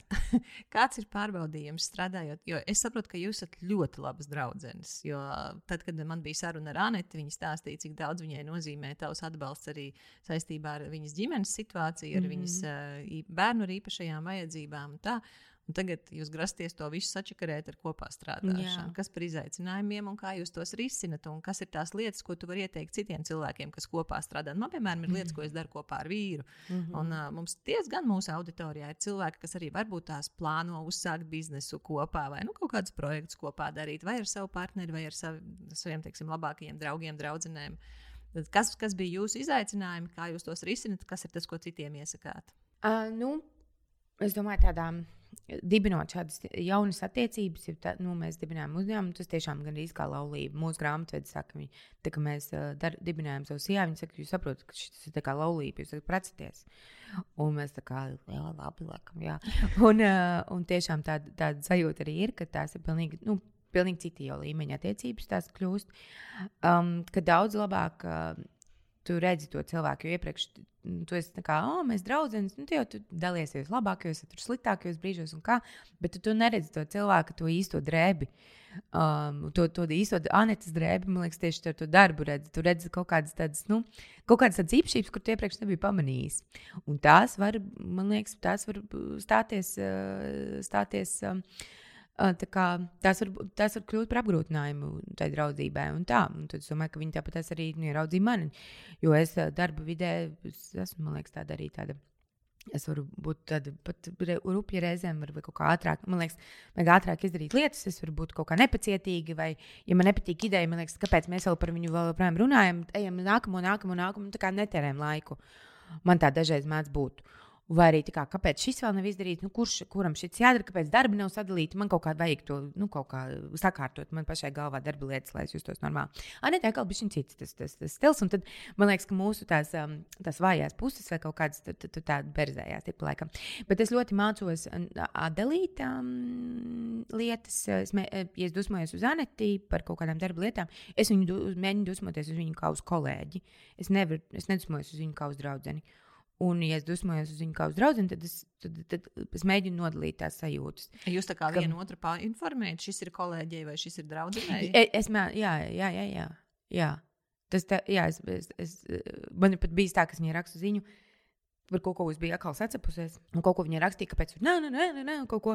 Un, saku, un beigās es tādu uh, uzra, vēl tieši arī rakstīju, uh, ka šis ir tev kā kolēģei, kā draudzene, brīnišķīgi mīl tevi, viss ir kārtībā, lieliski, viss ir ļoti labi, es tevi mīlu. Tā, bet šis ir kā kolēģi, ka, na, ka, kāpēc šis nav izdarīts? Garām, jā. jā. Es atvainojos, nu, ka es nolamājos. Viss sprūk ārā. Nu, mēs jau no tevis no neko citu negaidījām. Nu, Tagad protams. tu mūs pārsteidz, ka nenolamājos. Bet kā mana mamma saka, ka mums ir urlu gēns mūsu ģimenē. ka ir tie cilvēki, ar urligēnu. Nu, man patīk lamāties. Lamāšanās ir skaisti. Tur ir kaut kas garšīgs. Tur ir mazs ļoti skaists lamāšanās. Jā, izņemot, ja cilvēks vairs nespēja bez lamāšanās, pat tad, kad grib viņam nē, nesanāk. Nē, nu, ja, nu, ja, nu, ja nē, kat, katrs vārds tas ir bijis cita kaut kāda lieta, bet es domāju, ka tā ir neliela atkāpja. Nu, ko jūs vēl darat ar Aniti, lai jūsu sadarbība un draudzība turpinātos? Zināt, tagad es arī negribu sēdēt un teikt, ka ka viss ir rožēni, mēs tik labi tiekam galā, jo mums jau arī ir Nu, ir kaut kāda, liekas, tagad mēs tieši esam tādā, tādā posmā, kur mēs tā kā bišķi tā pauzītā ieliekam, saprast, kas notiek un tā. Um, bet es ne, nevaru noteikti sēdēt šeit un kā, nu, dariet tā, un tad jums būs tikpat brīnišķīgi, kā mums ir Aneti. Jo mums ir Aneti arī, nu, Aneti, laikam, arī tavā podkāstā jau visiem atklāja, ka mums ir arī daudz dažādu mentālo problēmu. Mums abām ir uh, depresijas, slinkās, un vienkārši rausmas tik rēcīgi. Foršs forš improvizētājs un kāds vadītājs. Jā, un ja mēs tev tā kā tad tu esi tik priecīgi un tā, un viss cilvēki tā kā. Kur tu dabūsi šo enerģiju? Kā tur dabūt enerģiju? Un tu kā, nē, es pirms trīs stundām kā kautu histērijā, vai arī divas dienas šādi gulēju, nekustējos un domāju, tā uh, tieši mēs ar uh, nu, ar vienu vēl improvizatoru. Viņš laikam arī tieši bija kaut kur teicis šo arī kaut kādā in intervijā, ka tu tieši domā, tā, kā, tā varētu nu, taisīt pašnāvību vai iet psihiatru, bet nevar jāvada kāzas, tā kā nav laika. tieši mēs par to runājam, viņš tieši šo teica. Un, uh, nu, tiešām bija tieši tā, ka, tā kā, es domāju, oh, varētu tagad kaut kā, nu, kaut kā, tur, tur, nu, kaut kā tur mentālo veselību vai kaut ko saka, bet tagad izrādes ir, nevar iet, nu, nevar kaut kādā psihienē ielikties un tā. Bet labi, ļoti dramatiski izklausās. nu, tagad vienkārši tāds, kad ir kādi grūtāki posmi. Bet, jā, nu, un, protams, arī tās depresijas. Jo depresija var cilvēkā izraisīt, kuram nav depresija, vai kurš ir labākā vietā. Skatoties uz depresīvu personu, var izra... depresīvu personu var izraisīt lielas dusmas. Uh, Un dusmas, nesaprātīgi un izmisumu var sanākt uz to cilvēku ļoti dusmoties. Un es pat esmu novērojis arī nu, pati sev, tagad es esmu labākā vietā, un ka man nu, nejūtos tur īpaši depresīvi. Bet, piemēram, kāda manai draudzenei ir depresijas uzliesmojums, man ir dusmas uz viņām. Un es pilnīgi esmu aizmirsis, kā tas ir. Liekas, kā, nu, kā tu nevari saņemties, un kas tev ir? Un tad ir man ir, un tad es domāju, ka Dievs, ka viens nesaprot, tagad cieši, man ir slikti. Un tā, nu, tas arī, protams, arī tās mentālās uh, lietas mēdz parādīties mūsu attiecībās uh, kaut kā. Bet, nu, mēs, man liekas, mēs arī cenšamies kaut kā balstīt un, cenšamies saprast, tur, piemēram, zinu, ka Anita ir grūtāks posms, vai arī viņa kaut kur atpūšas. Tad es zinu, ka man tagad ir jāsarauj un kaut kā mēs cenšamies neiekrist kaut kādās bedrēs vienlaicīgi kaut kā cenšamies sadalīt tās bedres. Tagad Protams, mana bedres, tad, tad drīkst būt jā. tava bedra. Jā, jā, jā. Dala atvaļinājums, tā jūs, ka drīkst, ka drīkst būt nu, bedres. Jā, jā, kaut kā tā ir. Bet, nu jā, tur tā lieta, mēs arī, laikam, kaut kad iepriekš arī to teicu, nu, ka tajā komēdijā jau ir, uh, lai gan kāds kaut kur teica, ka, ne, ka ir apnicis, ka saka par komiķiem, ka visi komiķi ir depresīvi, bet, nu, kaut kā tā, tā tā vidi un tā improvizācija mums arī, man liekas, ar Anētu, nu, man personīgi, es runāju savā vārdā, man arī kalpo par kaut kādu savu veidu terapiju. Jo man ir bijis tā, ka, ja es nav bijis ilgi izrādē vai nav sanācis spēlēt, tad pilnīgi jūtu tādu aizkaitinājumu sevī. Un, kad uzspēlē, un, tad, nu, tas ir tāds, nu, tā, nu, tā, tas ir tik, nu, nav, nav, nav, nav salīdzinājums sajūta ne ar ko. Ļoti grūti kaut ko celīt. Ir, ir labi novadīts pasākums arī, bet, ja ir forša izrāde, nu, tas high tas ir tāds cita veida, tas ir kaut ko ir ļoti grūti sasniegt tādu. Tas ir tāds absolūts piepildījums, prieks un tāda tiešām tāda laba terapija. Un tad, un tad tu jūties, un tev tāds, oh, man ir šo sajūtu, tagad pietiks kādam laikam un tā. Es tas... ļoti gaidu jūs izrādus, ko es iešu nākamā nedēļa. Bet tiešām, tu arī būsi patieš... mūsu viesi. Jā, bet, bet to gan es tā negaidu. to es vienkārši, es zinu, tas tā kā, tā kā iet pie zobārsta, kad es pierakstos, mm. un tad es jau saku, nedrīkst par to domāt, jo citādi man visu laiku būs slikts garas stāvoklis. Tāpēc es zinu, es, es zinu, tā diena pienāks, es zinu, Nē. viņa kaut kā paies, un tā, nu, tā kā man ir tikai jābūt tur, un man nevajag, nevajag nu, tā kā es darīšu visu, kas no manis ir. Laura, mums tik labi ies, tu būsi tik priecīga, viss būs tik normāli, forši, tici man. Man gan Vjačeslavs Kašķējevs eh, informēja, ka būs uzjautrinoši skatīties, kā jūs abi divi, abas divas tur darbojaties. Tad es jau saku, nu, forši vienkārši visi sēž skatītāju zālē, es sēdēšu uz skatuves un skatīšos, kā jūs Jā. abas divas darbojaties. Jā, nē, man šķiet, ja cilvēkam nav bail no skatuves, ja nav bail tiešām, nu, būt no priekšā. jau nekoši dibenā. Nu, nē, okay. ja, man liekas, ja nu, cilvēkam... rīklis arī neķerās. Neķerās, bet ja cilvēkam nav bail no publiskās runas, tad šī ir mana teorija, ko es esmu izdomājis, nu, cilvēkam kaut kas nav kārtībā. nu, tur tā lieta, man liekas, ka es, man, es visvairāk baidos no tiem cilvēkiem, kas tieši raujās. Nu, piemēram, pasākums tu vadi vai kaut ko. Tie, kas šausmīgi raujas, to skatos, man liekas, tur kaut kas galīgi nav labi. Jo tā ir dabiska, tā ir dab, nu, ja cilvēks nav pieredzis to darīt, nu, tā kā regulāri to darot. Nu, tādā ziņā es nesaku, ka ar mani, ne, nu, ar mani arī nekas nav kārtībā, bet nu, tādā ziņā, ka mēs jau to darām regulāri. Tu, nu, pierodi, tu pierodi pie tā uztraukuma. Tas uztraukums ir klātesošs vienmēr. Nu, tu atpazīsti tās sajūtas, un tu zini, kā nu, ar tām manipulēt.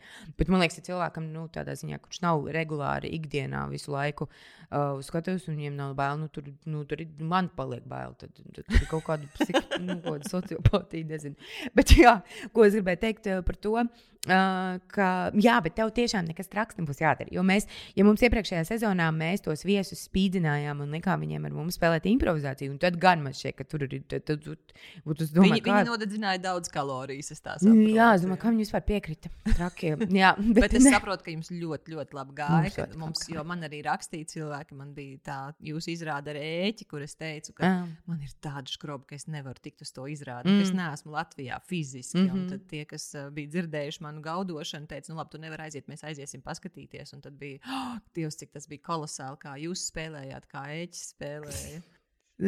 Par to, par to izrāda jā, dažādi, dažādi viedokļi. Viņš Baks bija tik ļoti apjucis. Viņš tā kā domāja, man, liek, man likās, ka vienā brīdī viņš nokāps no skatuves no un aizies projām. Viņš tā arī pateica. Viņš teica, ai, labi, Un es tā kā stāvu, skatos, man liekas, ka viņš, nu, viņš padevies, viņš nespēlēs tālāk. Un ko es tagad darīšu? Viņam skriešu pakaļ. Un tad mēs tur ar, un man ieslēdzas, domāju, tas ir joks vai patiesība tajā etīdē, ka viņš iet projām. Domāju, kaut tas būtu kā joks, un mēs tur hei, hei, kaut kā tur nonāca atpakaļ. Tā. Un, liekas, viņš noķēra bišķi paniku. Viņš, viņš tiešām gribēja, bet bija forši ļoti. Jo ar visiem viesiem, nu kā mūsu galvenais mērķis ir, lai mūsu viesis izskatās labi, lai viņš jūtas ērti, lai viss ir labi, lai, nu, lai tas viesis nav, te, nu, mums nav nekāda vēlme uh, stāvēt un tā kā maliņā, un mēs esam improvizētāji, mēs mācām tagad parādīt, ko tu māci. Jā, pierādi, ka tu esi tik krūts slavenība, kā viss. ka tu esi pelnījis. Ka tu esi pelnījis būt, nē un vispār ne. Un tad mēs tajā pagājušajā sezonā ārkārtīgi svīdām, un, un mēs jutām arī, ka mūsu tās improvizācijas kvalitāti. Bišķiņi sāk ietekmēties no tā, ka mēs visu enerģiju veltam tam, lai tas viesis vienkārši visu laiku domā, tā kā tā katra kustība, ko, ko tas cilvēks pasaka vai izdara, skatos, kā to uzreiz izdarīja, ka tas ir absolūti ģeniālākais. Nu, nu, tad, tad, tas bija mūsu darbiņš.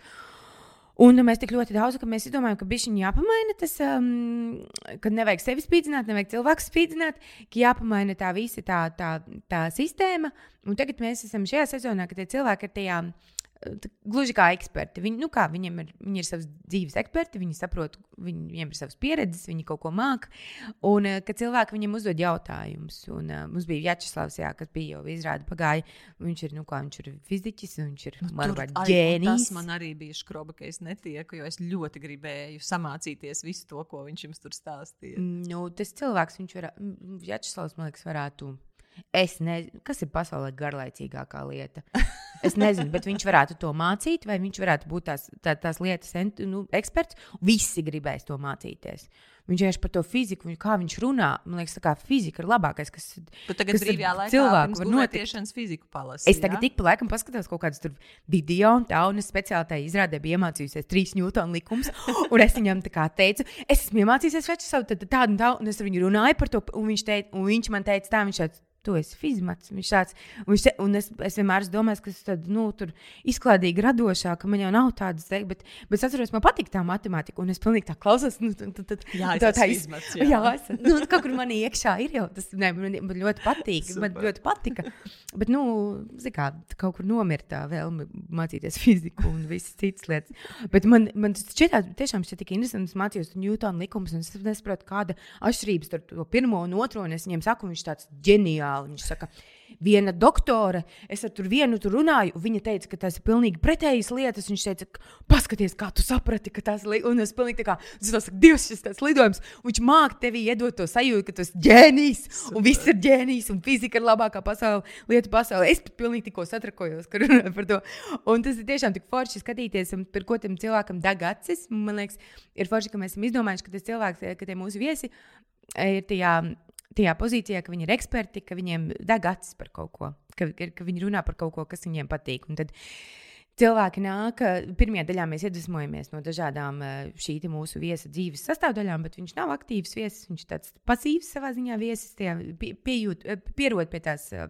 Izrāda dinamikas, un tad otrajā daļā tad, mēs tevi nosēdināsim tādā smukā krēslā ar lampu, un cilvēki būs sasūtījuši kādus jautājumus tev par, par tevi, par dzīvi, par, par visu kaut ko tavu viedokli. Um, mēs tev uzdosim šos jautājumus, tu atbildēsi. Un un tad jūs visi smiesieties. Jā. Un mēs tā rēksim. Pamēģini tikai nebūt rēcīgi. Nē, es, Nē, nebūšu, ne. es, kādreiz nebūšu rēcīgi, nu, jo es neesmu rēcīgi, bet jums vajadzēs smieties, jo tas piederās pie jūsu darba. Nē, tur tā lieta, ka tā pat nav uh, obligāta prasība. Ir tā, ka vienkārši tu pastāsti varbūt pat kādu dramatisku stāstu no savas dzīves vai kaut ko. Un mēs iedvesmojamies no tā. Un mēs neatspēlējam tieši to, bet tā ir mūsu iedvesma, un tad mēs to pārvēršam tādā improvizācijas etīdē, kas ir mūsu iedvesmojamies. Jā. Un bija ļoti dažreiz izaicinoši darīt ar Vjačeslavu, jo viņš atbild uz... par uh, atomiem, pozitroniem, neitroniem, elektroniem. Jā, Anita tieši teica, viņa tā, tā es klausījos Vjačeslava uh, atbildē, es sapratu šādus vārdus un, bet kas un kaut, kād, un tur, uh, kaut kāds kaķis, Šrēdiņš, kaķis vai kāds kā tur. Jā. Un viņš teica, to es kaut kā uztveru šos vārdus, jo viņš tā sēž un viņš runā. Un viņš saka, nu, tur mēram, un mēs tādus abus divus tā. Jā. Un mums ir tieši bilde, kur es esmu tā kā pilnīgi tādā šokā un mēģinu kā kaut ko izvilkt, un arī tā padevusies šādi. un tad jums ir jāspēlē. Un, jā? tad, un tad, ok, spēlējiet. Un bija tik forši, ka mēs nospēlējām, un viņš tāds stāv, tā, bet Un viņš paskaidro, kas notika uz tās skatuves. Man, man liekas, mēs paši nesapratām, ko mēs tikko nospēlējām. Un viņš visiem paskaidro, viņš tā, bet jā, un tieši tas, ko es saku. Un, kā, un mēs tieši teicām, ka mums jāatšķiras katrā izrādē, jo viņš kādu loģiku iedod. Viņš kaut kur redz to loģiskas sakarības tajā etīdē, un viņš tā paskaidro, kas tikko notika. Un mums pašām šeit, jā, tā arī ir, un viss ir tik loģiski un ģeniāli.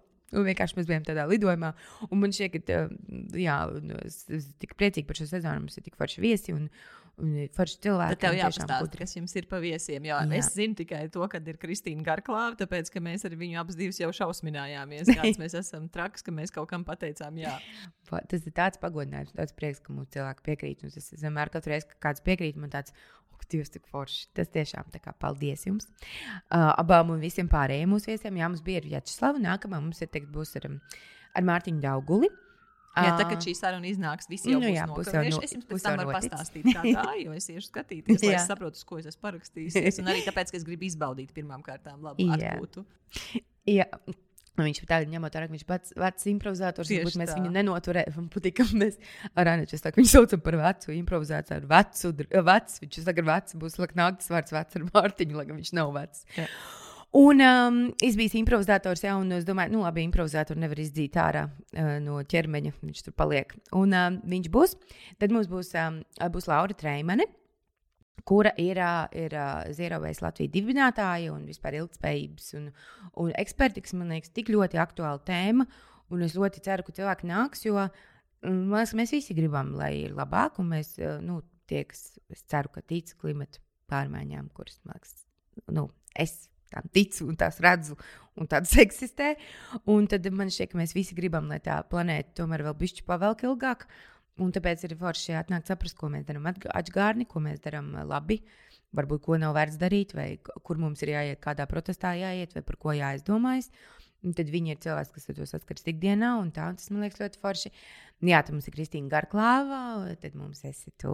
Kristīna Garklā vienkārši, lai nevi... tu saproti, ka tur izrādēji vairs biļetes dabūt nevar, nevar. jā, jo ar Kristīnu Garklāvu jums būs piedzīvojumi, pareizi, jā? Jā, mums būs dažādi piedzīvumi. Nu, kā viņa, man liekas, ir tik ļoti daudzpusīga. Viņa liekas, visu māku un visu. Jā, man arī par viņu ir precīzi tāda pati sajūta. Tieši tā. būtu tikko Tā kā cilvēks emulators, jā, jā.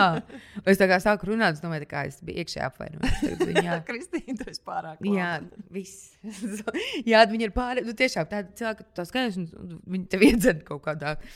Nē, nē, viņi neiedzen, Nē, nē, iedzenās, teiksim tā. Jā, jā, jā, es pati iedzinos. Jā. Pēc tam tu iedvesmojies, un tad tu iedzinies, un tad ir tāds duāls sajūta ar šiem cilvēkiem. Jā, un eh, man liekas, viņi ir eh, fantastiski. Jā, tad, eh, un, um, jā, tad, eh, tad esi tu. Un tad mums ir Diana Zande. Un uh, Diana Zande mums jau ir tā kā sanāk jau tāda sadarbība, jo viņa bija arī pagājušajā gadā mums uh, Ziemassvētku laikā, tieši decembrī. Mums arī būs decembrī viena izrāde, jo decembrī ir daudz dažādu pasākumu un tā. Un decembrī ar mums būs viņu izrāde par Ziemassvētku terapiju. Jo man liekas, Ziemassvētku ir tāds. Ziemassvētku terapija. Jā. Dievs, cik labi. Mm. Jo ā, mēs, ā, tas arī ā, viņa mums tieši bija arī pagājušajā gadā, arī bija Ziemassvētku terapija, kur mēs apskatījām. Dažādas lietas, ar kuriem cilvēkiem. Nu, tā Ziemassvētku jau skaists laiks, bet man liekas, izvēlēt ārā pašu vēl Nē, nē, no cilvēkiem. Izvēlēt tiešām Jā, pašu vēl, Jā, un uh, dr drausmīgs drāmas notiek Ziemassvētku laikā. Ir mūžīgi Jā. jā. domā, ko Jā. jā. dāvināt, vai ir nauda. Jā, nav un, naudas, tad es esmu skandāli. mieru nerunāt ar kādu no ģimenes, mm -hmm. arī Mhm. pusgadu un vēl divus. Nu, jā, pusotru. Jā. Nē, nu, bet nu, tev jāizvēlas cits laiks, jā, nešpiko. Labi. Gads un deviņi mēneši. Jā, nu tieši tā, jā. Un ko? Atradusies īpašniece zīmola. Trends. Tad jūs ar Diānu runāsiet par Ziemassvētku terapiju. Jā, jā Ziemassvētku terapija, jo viņi tomēr ir um, uh, psihoterapeiti un zinoši šajās lietās, un varbūt var kaut kā mums kopīgi palīdzēt. Un kurā Kā šo- datumā tas ir? Tas ir 9. decembris. Jā, tā ja kā visiem laicīgi jāiet ir, uh, uz Jā. izrādi, jo tad zinās, kā nesačakarēt sev Ziemassvētkus, jeb kā sačakarēt ar stilu. Jā, tieši tā. Tā kā tu tā kā. Es sačakarēju, bet par to nejūtos slikti. Tā kā filmās, ka tu ej prom no tās sprāgstošās, degošās mājas. Jā, tā, tad, tā. Yeah. Jā, Bija tā- labi. Bija to vērts. Jā, tieši tā. Jums vēl bija kaut Jā. kas par politiku, ja nemaldos. Ah, jā, mums ir arī Iva Riebu. Es domāju, mums, es tām sievietēm sāku domāt par visām foršajām, ko mēs esam uzaicinājuši. Bet mums arī forši, jā, Mārtiņš Žalgos un Ivars Ieps, jā, par politiku tieši tā. Kā, kā viņš un tepat tās jau oktobrī. Un ko jūs darīsiet sākumā. politikas sakarā? Mācīsieties kandidēt? Nu, nē, nu, mēs prasīsim, nu, cilvēki prasīs uh, lietas. nu, Tā politika, man liekas, mums ar Anētu arī bija pagājušā sezona viena, viena izrāde par politiku. Un, lai gan mēs paši tādi, kas nu, interes, mēs interesējamies par politiku un ceņ, nu, kaut kādas lietas kā cenšamies uh, palikt nu, informēti par lietām, bet mēs spēlējām un cilvēki deva tos ieteikumus par politiku. Un Mēs domājam, ka neko nejācam. Šausmīgi sarežģīti. Viss ir tajā politikā. Tā kā tas arī var palīdzēt nu, tiešām mm. -hmm. uzzināt vērtīgu informāciju mm. -hmm. cilvēkam, kurš grib dzīvot mm, labā, labā uh, labklājīgā valstī. Jo Jā, tā mēs varam darīt lietas. Bet klausies, tad, kad, tad, kad jūs šādi te vadat improvizācijas izrādes, mm -hmm. tas man liekas, jau ir ļoti liela slodze divi tā to darīt. Mm. -hmm. Un tagad vēl ar viesi. Nu, tā kā jūs tā kā mazohistas, ja? Mhm. Pēsījām sev. Pārteikusi tam. Jā, jā. Nu, tā ir. Tur ir tāds liels, liels mazohisms. Jā. jo improvizācija, nu kā improvizācija mani noteikti kā cilvēku pilnībā mainīja. Absolūti mainīja, padarīja man, nu, nevis mainīja, bet es teikšu tā, ka tās lietas, kas manī bija, izvilka uz a, a, a, kā, virs, uz virsmu, mm -hmm, ārā, mm -hmm. izvilkt no manas tās ārā. Mm, nu, tādas, man liekas, labas lietas arī. Ļoti daudz labu lietu. Un tās lietas, kuras improvizācijas, mā, improvizācijas teātris māca, nu, tas ir, man liekas, mūžīgais jā, princips, ka, jā, bet tādā ziņā, ka pieņemt visu to, ko tev, uh, ko saka katrs partneris, uh, ka tā ir nu, patiesība, tā ir mūsu realitāte. Tas, ko tu saki, tā ir taisnība. Bet nu, tādā ziņā varbūt tas dzīve nenodara. Jo bieži vien cilvēks stāsta dažādas muļķības, nevajag visiem piekrist. Bet tādā ziņā, ka, ka man liekas, improvizācija iemāca arī uh, klausīties. Tā kā tādā ziņā, ka tu esi ieinteresēts tajā partnerī, ka tu klausies, ko tas cilvēks runā, tu pieņem, ko viņš saka, un tu pievieno savu kaut kādu vēl ar tavu. Un tad tu kaut ko saki, un tas cil, nu, tā, tā arī būvēs tā improvizācija. Es atnāku skatos, es kaut ko pasaku, man ir kaut kāda, es nodefinēju kādu realitāti, es kaut ko parunāju. Un tad mans partneris Anete saka, viņa pieņem tas, ko es saku, ir patiesība, un pieliek vēl kādu savu vēl kādu detaļu klāt. Un tā arī veidojas tā, tā saruna, tāda improvizācijas. Un tad, man liekas, nu, dzīvē tas arī tāds labs princips, ka tu Un tāpēc, lai to varētu izdarīt, ir cītīgi jāklausās. Un, man liekas, klausīties ir tāda improvizācijas māksla, ko, ko arī ļoti bieži aizmirstās, jo tu sāc domāt savā galvā, tā, ko mēs darīsim tālāk, un tu saproti, ka Dievs neklausies Anetu. Un viss. Un tas ir stūbi. Vai klausīties, ko saka otrs? Un kas ir tādi improvizācijas no-no, kas bojā arī cilvēku savstarpējo miedarbību, arī ne tikai uz improvizācijas teātras skatuves, ko teikt, kas būtu izdevīgi pārņemt? Vai vismaz pievērst uzmanību? Mm. Jā, nu, improvizācijā to agrāk sauc par bloķēšanu, jeb nu, tas ir pretrunā tam jā, principam.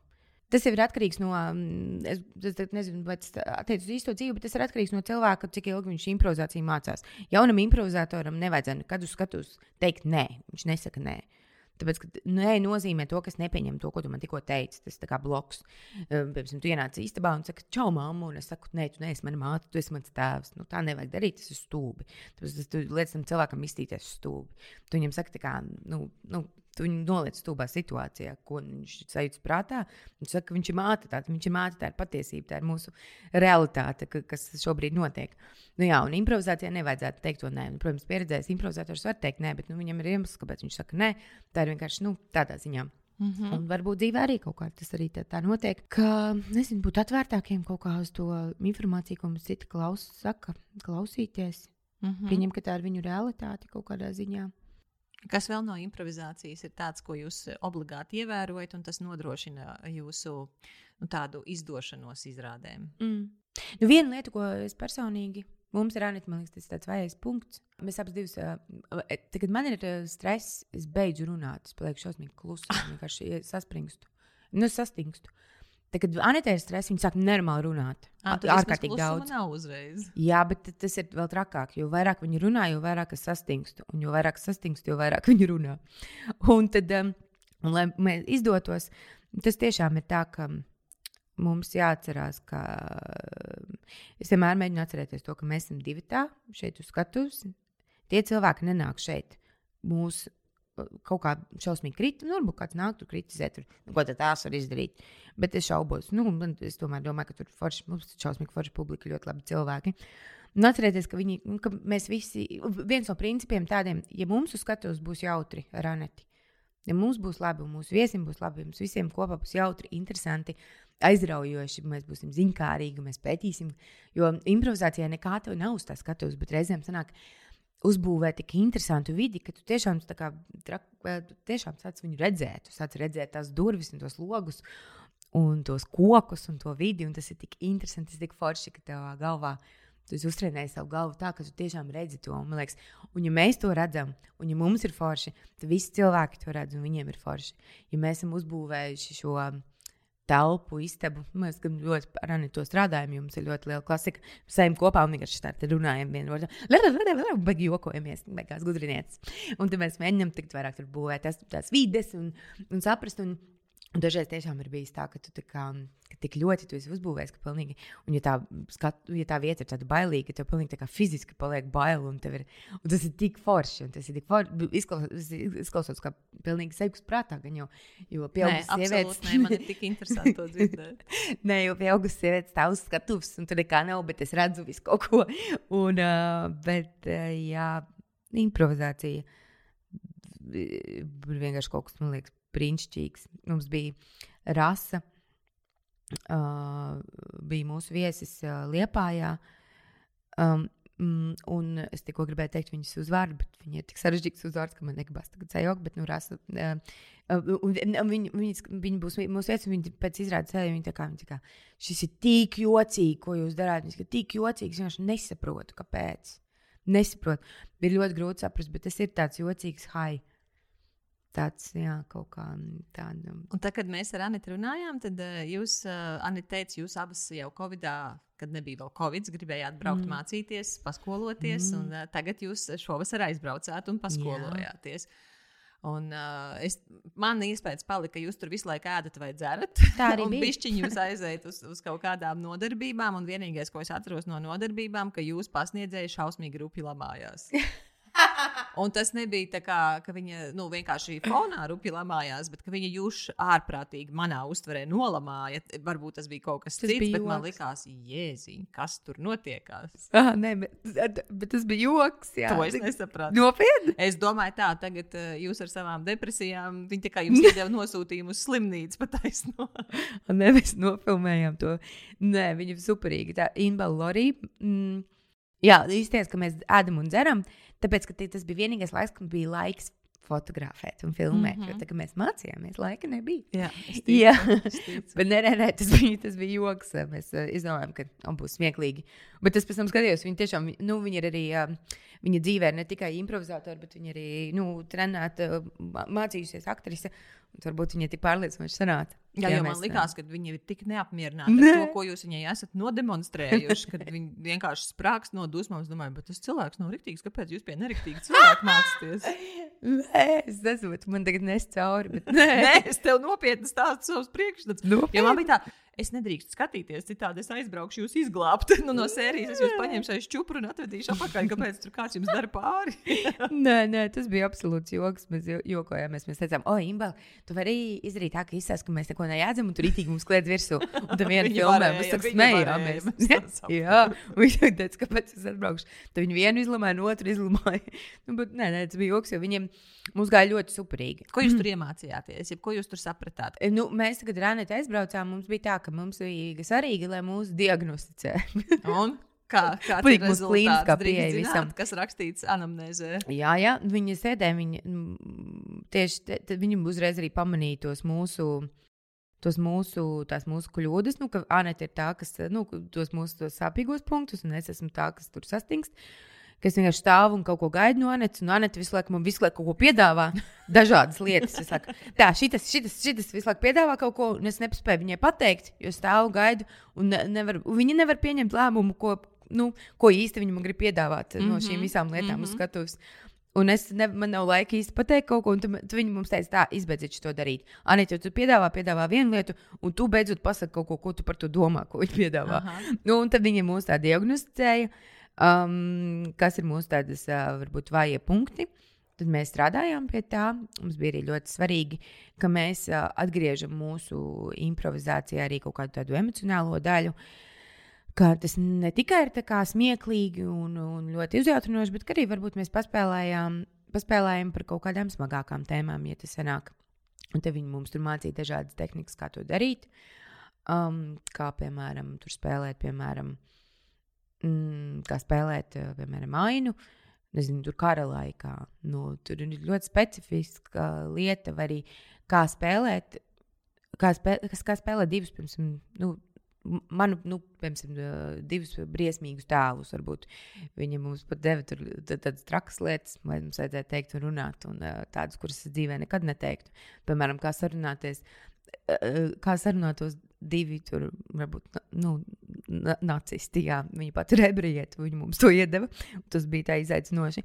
Bet kā to darīt tādā ziņā, lai tas neizstāsta, ka mēs ņirgājamies par šo tēmu, ka izstāsta, ka mēs, lai kā pārvērst tos tēlus tā, ka mēs saprotam, ka viņi ir ļauni tēli, ka, ir, nu, ka mēs cieņpilni par kaut kādām smagām tēmām uh, runājam, un ka tur nedrīkst smieties, tur ir konkrēts lietas, kā to var darīt.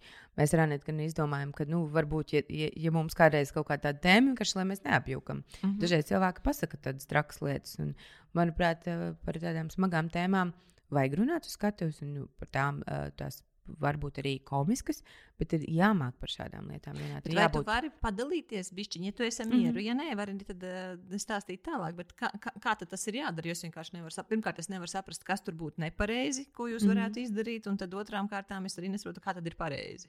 Jā, ja, ja spēlē tādu smagu tēlu, kurš ir, piemēram, kurš ir kaut kāds nepatīkams, Bet galvenais tas noteikums bija tāds, ka jūs spēlējat šādus tēlus, nu, ka tu nesāc tā kā tu, ja tu pasaki kaut kādu tādu traku frāzi, tur, piemēram, visus tur vajag nu, kaut kā tā, um, ka tu nedrīkst pats tā kā nobīties no ko tu saki, tā kā tā pasmīt. Tā, jā, tas, es, tā, izdarīt, es jau kā jā. Elīna, es tā nedomāju, jā. Ja tu to dari, dari. Bet tev ir jāsaprot, ko tu to tālu vēlāk darīsi. Tu nevari pēc tam, viņam nevar pēc tam būt laimīga dzīve vai kaut kā. Ir jāmēģina paskatīties to, kāpēc šis cilvēks tā domā, kāpēc viņš to saka. Bet viņš ir šausmīgi nelaimīgs. Varbūt viņš ir, ir tāds naids iekšā, kas viņu sāda. Uh, varbūt viņam ir. Um, jā, varbūt viņš ir ļoti, ļoti vientuļš. Viņš ir, un šis ir vienīgais, kā viņš šo naidu var, ar šo naidu var kaut kā sevi parādīt cilvēkiem. Mm -hmm, mm -hmm. Un, um, tas iedod arī tādu pētniecisko darbu iekšā, jo mums tie tēli, mēs spēlējam kaut kādus nepatīkamus tēlus, un tu, tu domā, ka tu nonāc pie tā, kāpēc tas tēls tā domā, kāpēc tas dara. Un tad viņi tā, tā, tā īsti spēlē, un tad beigās kaut kur arī tajā tēlā nonāk tā, tā patiesība, iznāk ārā, kāpēc viņš ir ļauns, kāpēc mm -hmm. viņš vēl citiem ļaunu. Mm -hmm. Un uh, tad jāsaprot, ko to tēlu tu pēc tam dari. Vai viņš pēc tam, nu, bet viņš nekad nu, tādu dēlu nedrīkst savā ziņā, viņam nedrīkst pēc tam dzīvē veikties. Nu, mēs pēc tam spēlētu kaut kādu ainu, un ar viņu kaut kas slikts notiktu, vai viņš iegūtu, iegūtu kādu vērtīgu mācību.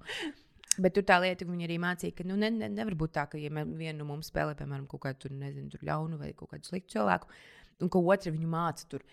Nu, bet tādam nedrīkst būt. Jo dzīvē patiesībā ir jādara, jā, ne, ne, tā nedrīkst darīt.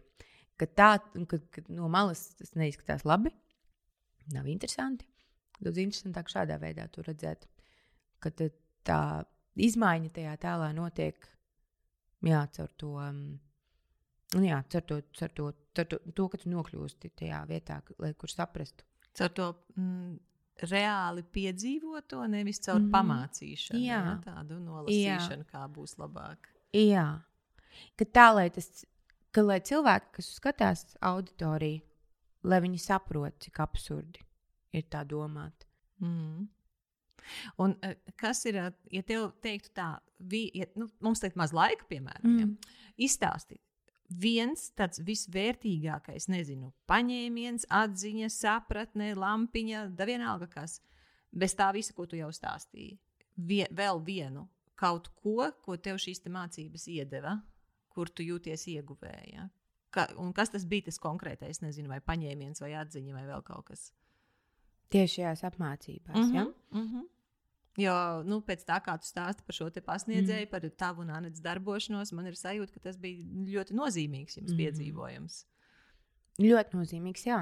Es domāju par to atziņu. Nu, vispār, es varbūt ātri pastāstīšu, pirms tam Inbala, tā pasniedzēja, viņa vispār manā dzīvē man ļoti daudz ko, laikam, viņa pat neapzinās, cik ļoti daudz ko kaut kādā ziņā nozīmē. Jo es atceros, ka viņa bija pie mums Latvijā ļoti, ļoti daudz gadus atpakaļ mācīju, un es biju ļoti sliktā vietā, un es biju tādā toksiskā vidē, improvizācijā.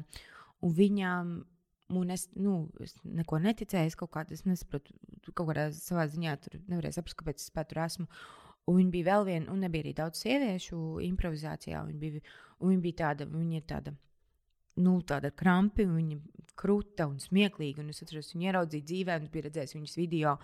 Viņa tik, nu, tāda, kāda es gribētu būt. Es atceros, ka uz viņu skatījos. Uh, Un es pie viņas pienācu. Un uh, es biju tā kā pilnīgā tādā hajā, kas es viņu satiku dzīvē toreiz. Un kaut kā viņi tā pasniedz tās nodarbības, un skatās, ka viņi man skatās tādu, nu, apmēram, nu, kāpēc tu te mokies? Un šeit kaut ko liederīgāku savā dzīvē darīt. Jo es tiešām mocījos, vienkārši, nu, nu, tur bija daudz dažādu iemeslu, kāpēc man smagi gāja tie improvizētie. Un kaut kādā brīdī, un es viņai kaut ko prasīju, un viņa man, man pasties, un, un viņa pateica to banālu frāzi. Tipa, nu, tā ir banāla frāze, bet kaut kur dažreiz viņa nodara. Fake it till you make it. Un, Un es tā raudāju, un es biju tā kā, viņi man tā sagrāva kaut kādā ziņā iekšēji. Un man bija tāds, varbūt viņi manī ieraudzīs kaut ko īpašu, un nē, vienkārši saņemies. Kā izliecies, ka, tu, ka tev ir, kā to latviešu tā pieklājīgi pateikt, ka tu izliecies, ko tu dari. You have your shit together. Jā. un, uh, mēram, un tad es, um, un uh, tas bija tāds atkal tāds, ve, uh, tāds uh, sitiens, man tāds saņemies, un mm -hmm. kaut kādā ziņā tur tām sāpēm cēlos kā fēniks no taukiem. Anita šito izdomāja. Anita vienreiz pārteicās, un mēs šo vienmēr izliekam. Viņa gribēja teikt, kā fēniks no palniem. Un tad es cēlos kā fēniks no taukiem. Mēs turpinām. Nu, jā, un, un tās. Tās apmācības man bija nu, es, arī ļoti nozīmīgas, jo man liekas, viņi ir tiešām viņi ir Viņa ļoti gudra un viņa ir tik interesanta, viņa ir tik pieredzējusi. Viņa vienkārši tā kā fascinējoša sieviete. Viņa arī spēlē solo improvizācijas izrādi. Es atceros, ka es uz vienu biju. Nu, sen apakaļ tā viena, kur es histēriski smējos, un pēc tam histēriski raudāju. Nu, ka viens cilvēks var spēt tādas emocijas, tad nu, tik ļoti personīgi tur viss bija. Nu, ka viņi tik ļoti zina to cilvēku psiholoģiju, ka viņi tik dziļi iet ar tiem tēliem, tik forši un tik interesanti. Jā, un tā atziņa, nu, es pat nezinu, kas būtu varbūt tāda viena atziņa, tādā profesionālā ziņā. Uh, ir ļoti labi at, at, atgriezties, atcerēties tos pamatus. Tādā ziņā, ka nevajag izdomāt visu laiku kaut kādus jaunus riteņus. Nu, mēs ar Anitu domājam, tur ir jauni formāti, jauns kaut kas. Kad mēs, man liekas, tās apmācības ļauj mums paiet kādus soļus atpakaļ, vēlreiz paskatīties vienai uz otru, saprast, es esmu Melīna, tu esi Anita. Mēs esam improvizētājs, mēs esam draugs, mēs, esam, mēs šo darām kopā, mums šis rūp vēl, es, vēl kas mums vienmēr ir šķits, ka mēs esam kaut kādas ļoti, nu, ļoti līdzīgas kaut kādas lietas. Viņi teica, viņas te, jūs esat ļoti, ļoti dažādas un izmantojiet to. Mums nekad nebija jāzina, nu, kas, kā, nu, kā mums ar Anitu ļoti bieži viens tas pašs problēmas un viens tas pašs lietas, mums tik līdzīgas un tā, un cilvēki jauc mums tur balsis vai vēl kaut kas. Mēs tiešām, mēs tiešām esam ļoti, ļoti dažādas. Un mums ir jāizmanto tas, un tad uh, būt brīnišķīgām savā tajā dažādībā, un tas jākopja atsevišķi. Jā, un kaut kā vēlreiz attietos, pa, paietos pāris soļus atpakaļ, nomierināties, beigt izdomāt kaut ko visu laiku rīceklīgi, šitā kaut kādas jaunas lietas, tā kaut ko interesantu, kaut ko interesantu. Vienkārši viss ģeniālais ir vienkārši. Nu, kā lai beigt runāt, tik banāli, bet nu, jā, ka tā kā viss ir ok.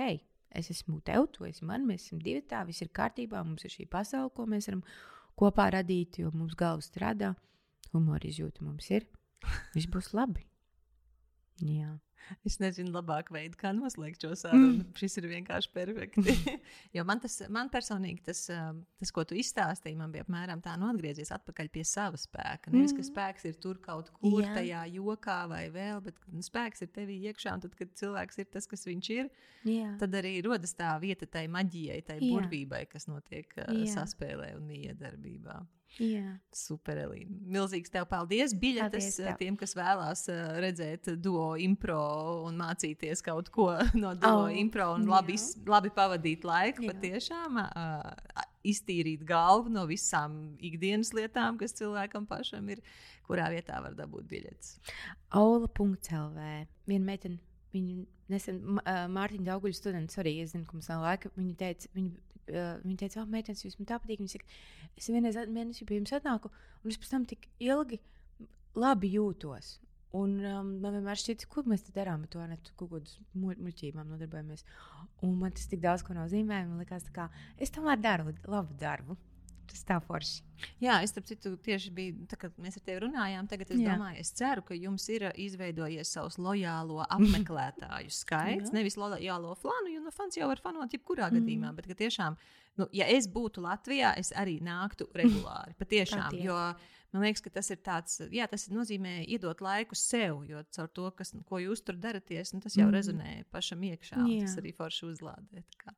Prieks par jūsu sezonu, prieks par jūsu izrādēm. jā, Paldies par tavu stāstu un uzdrošināšanos būt tai, kas tu esi, jo ritīgi jaudīgi. Paldies! Paldies! Tev, Paldies! Tev.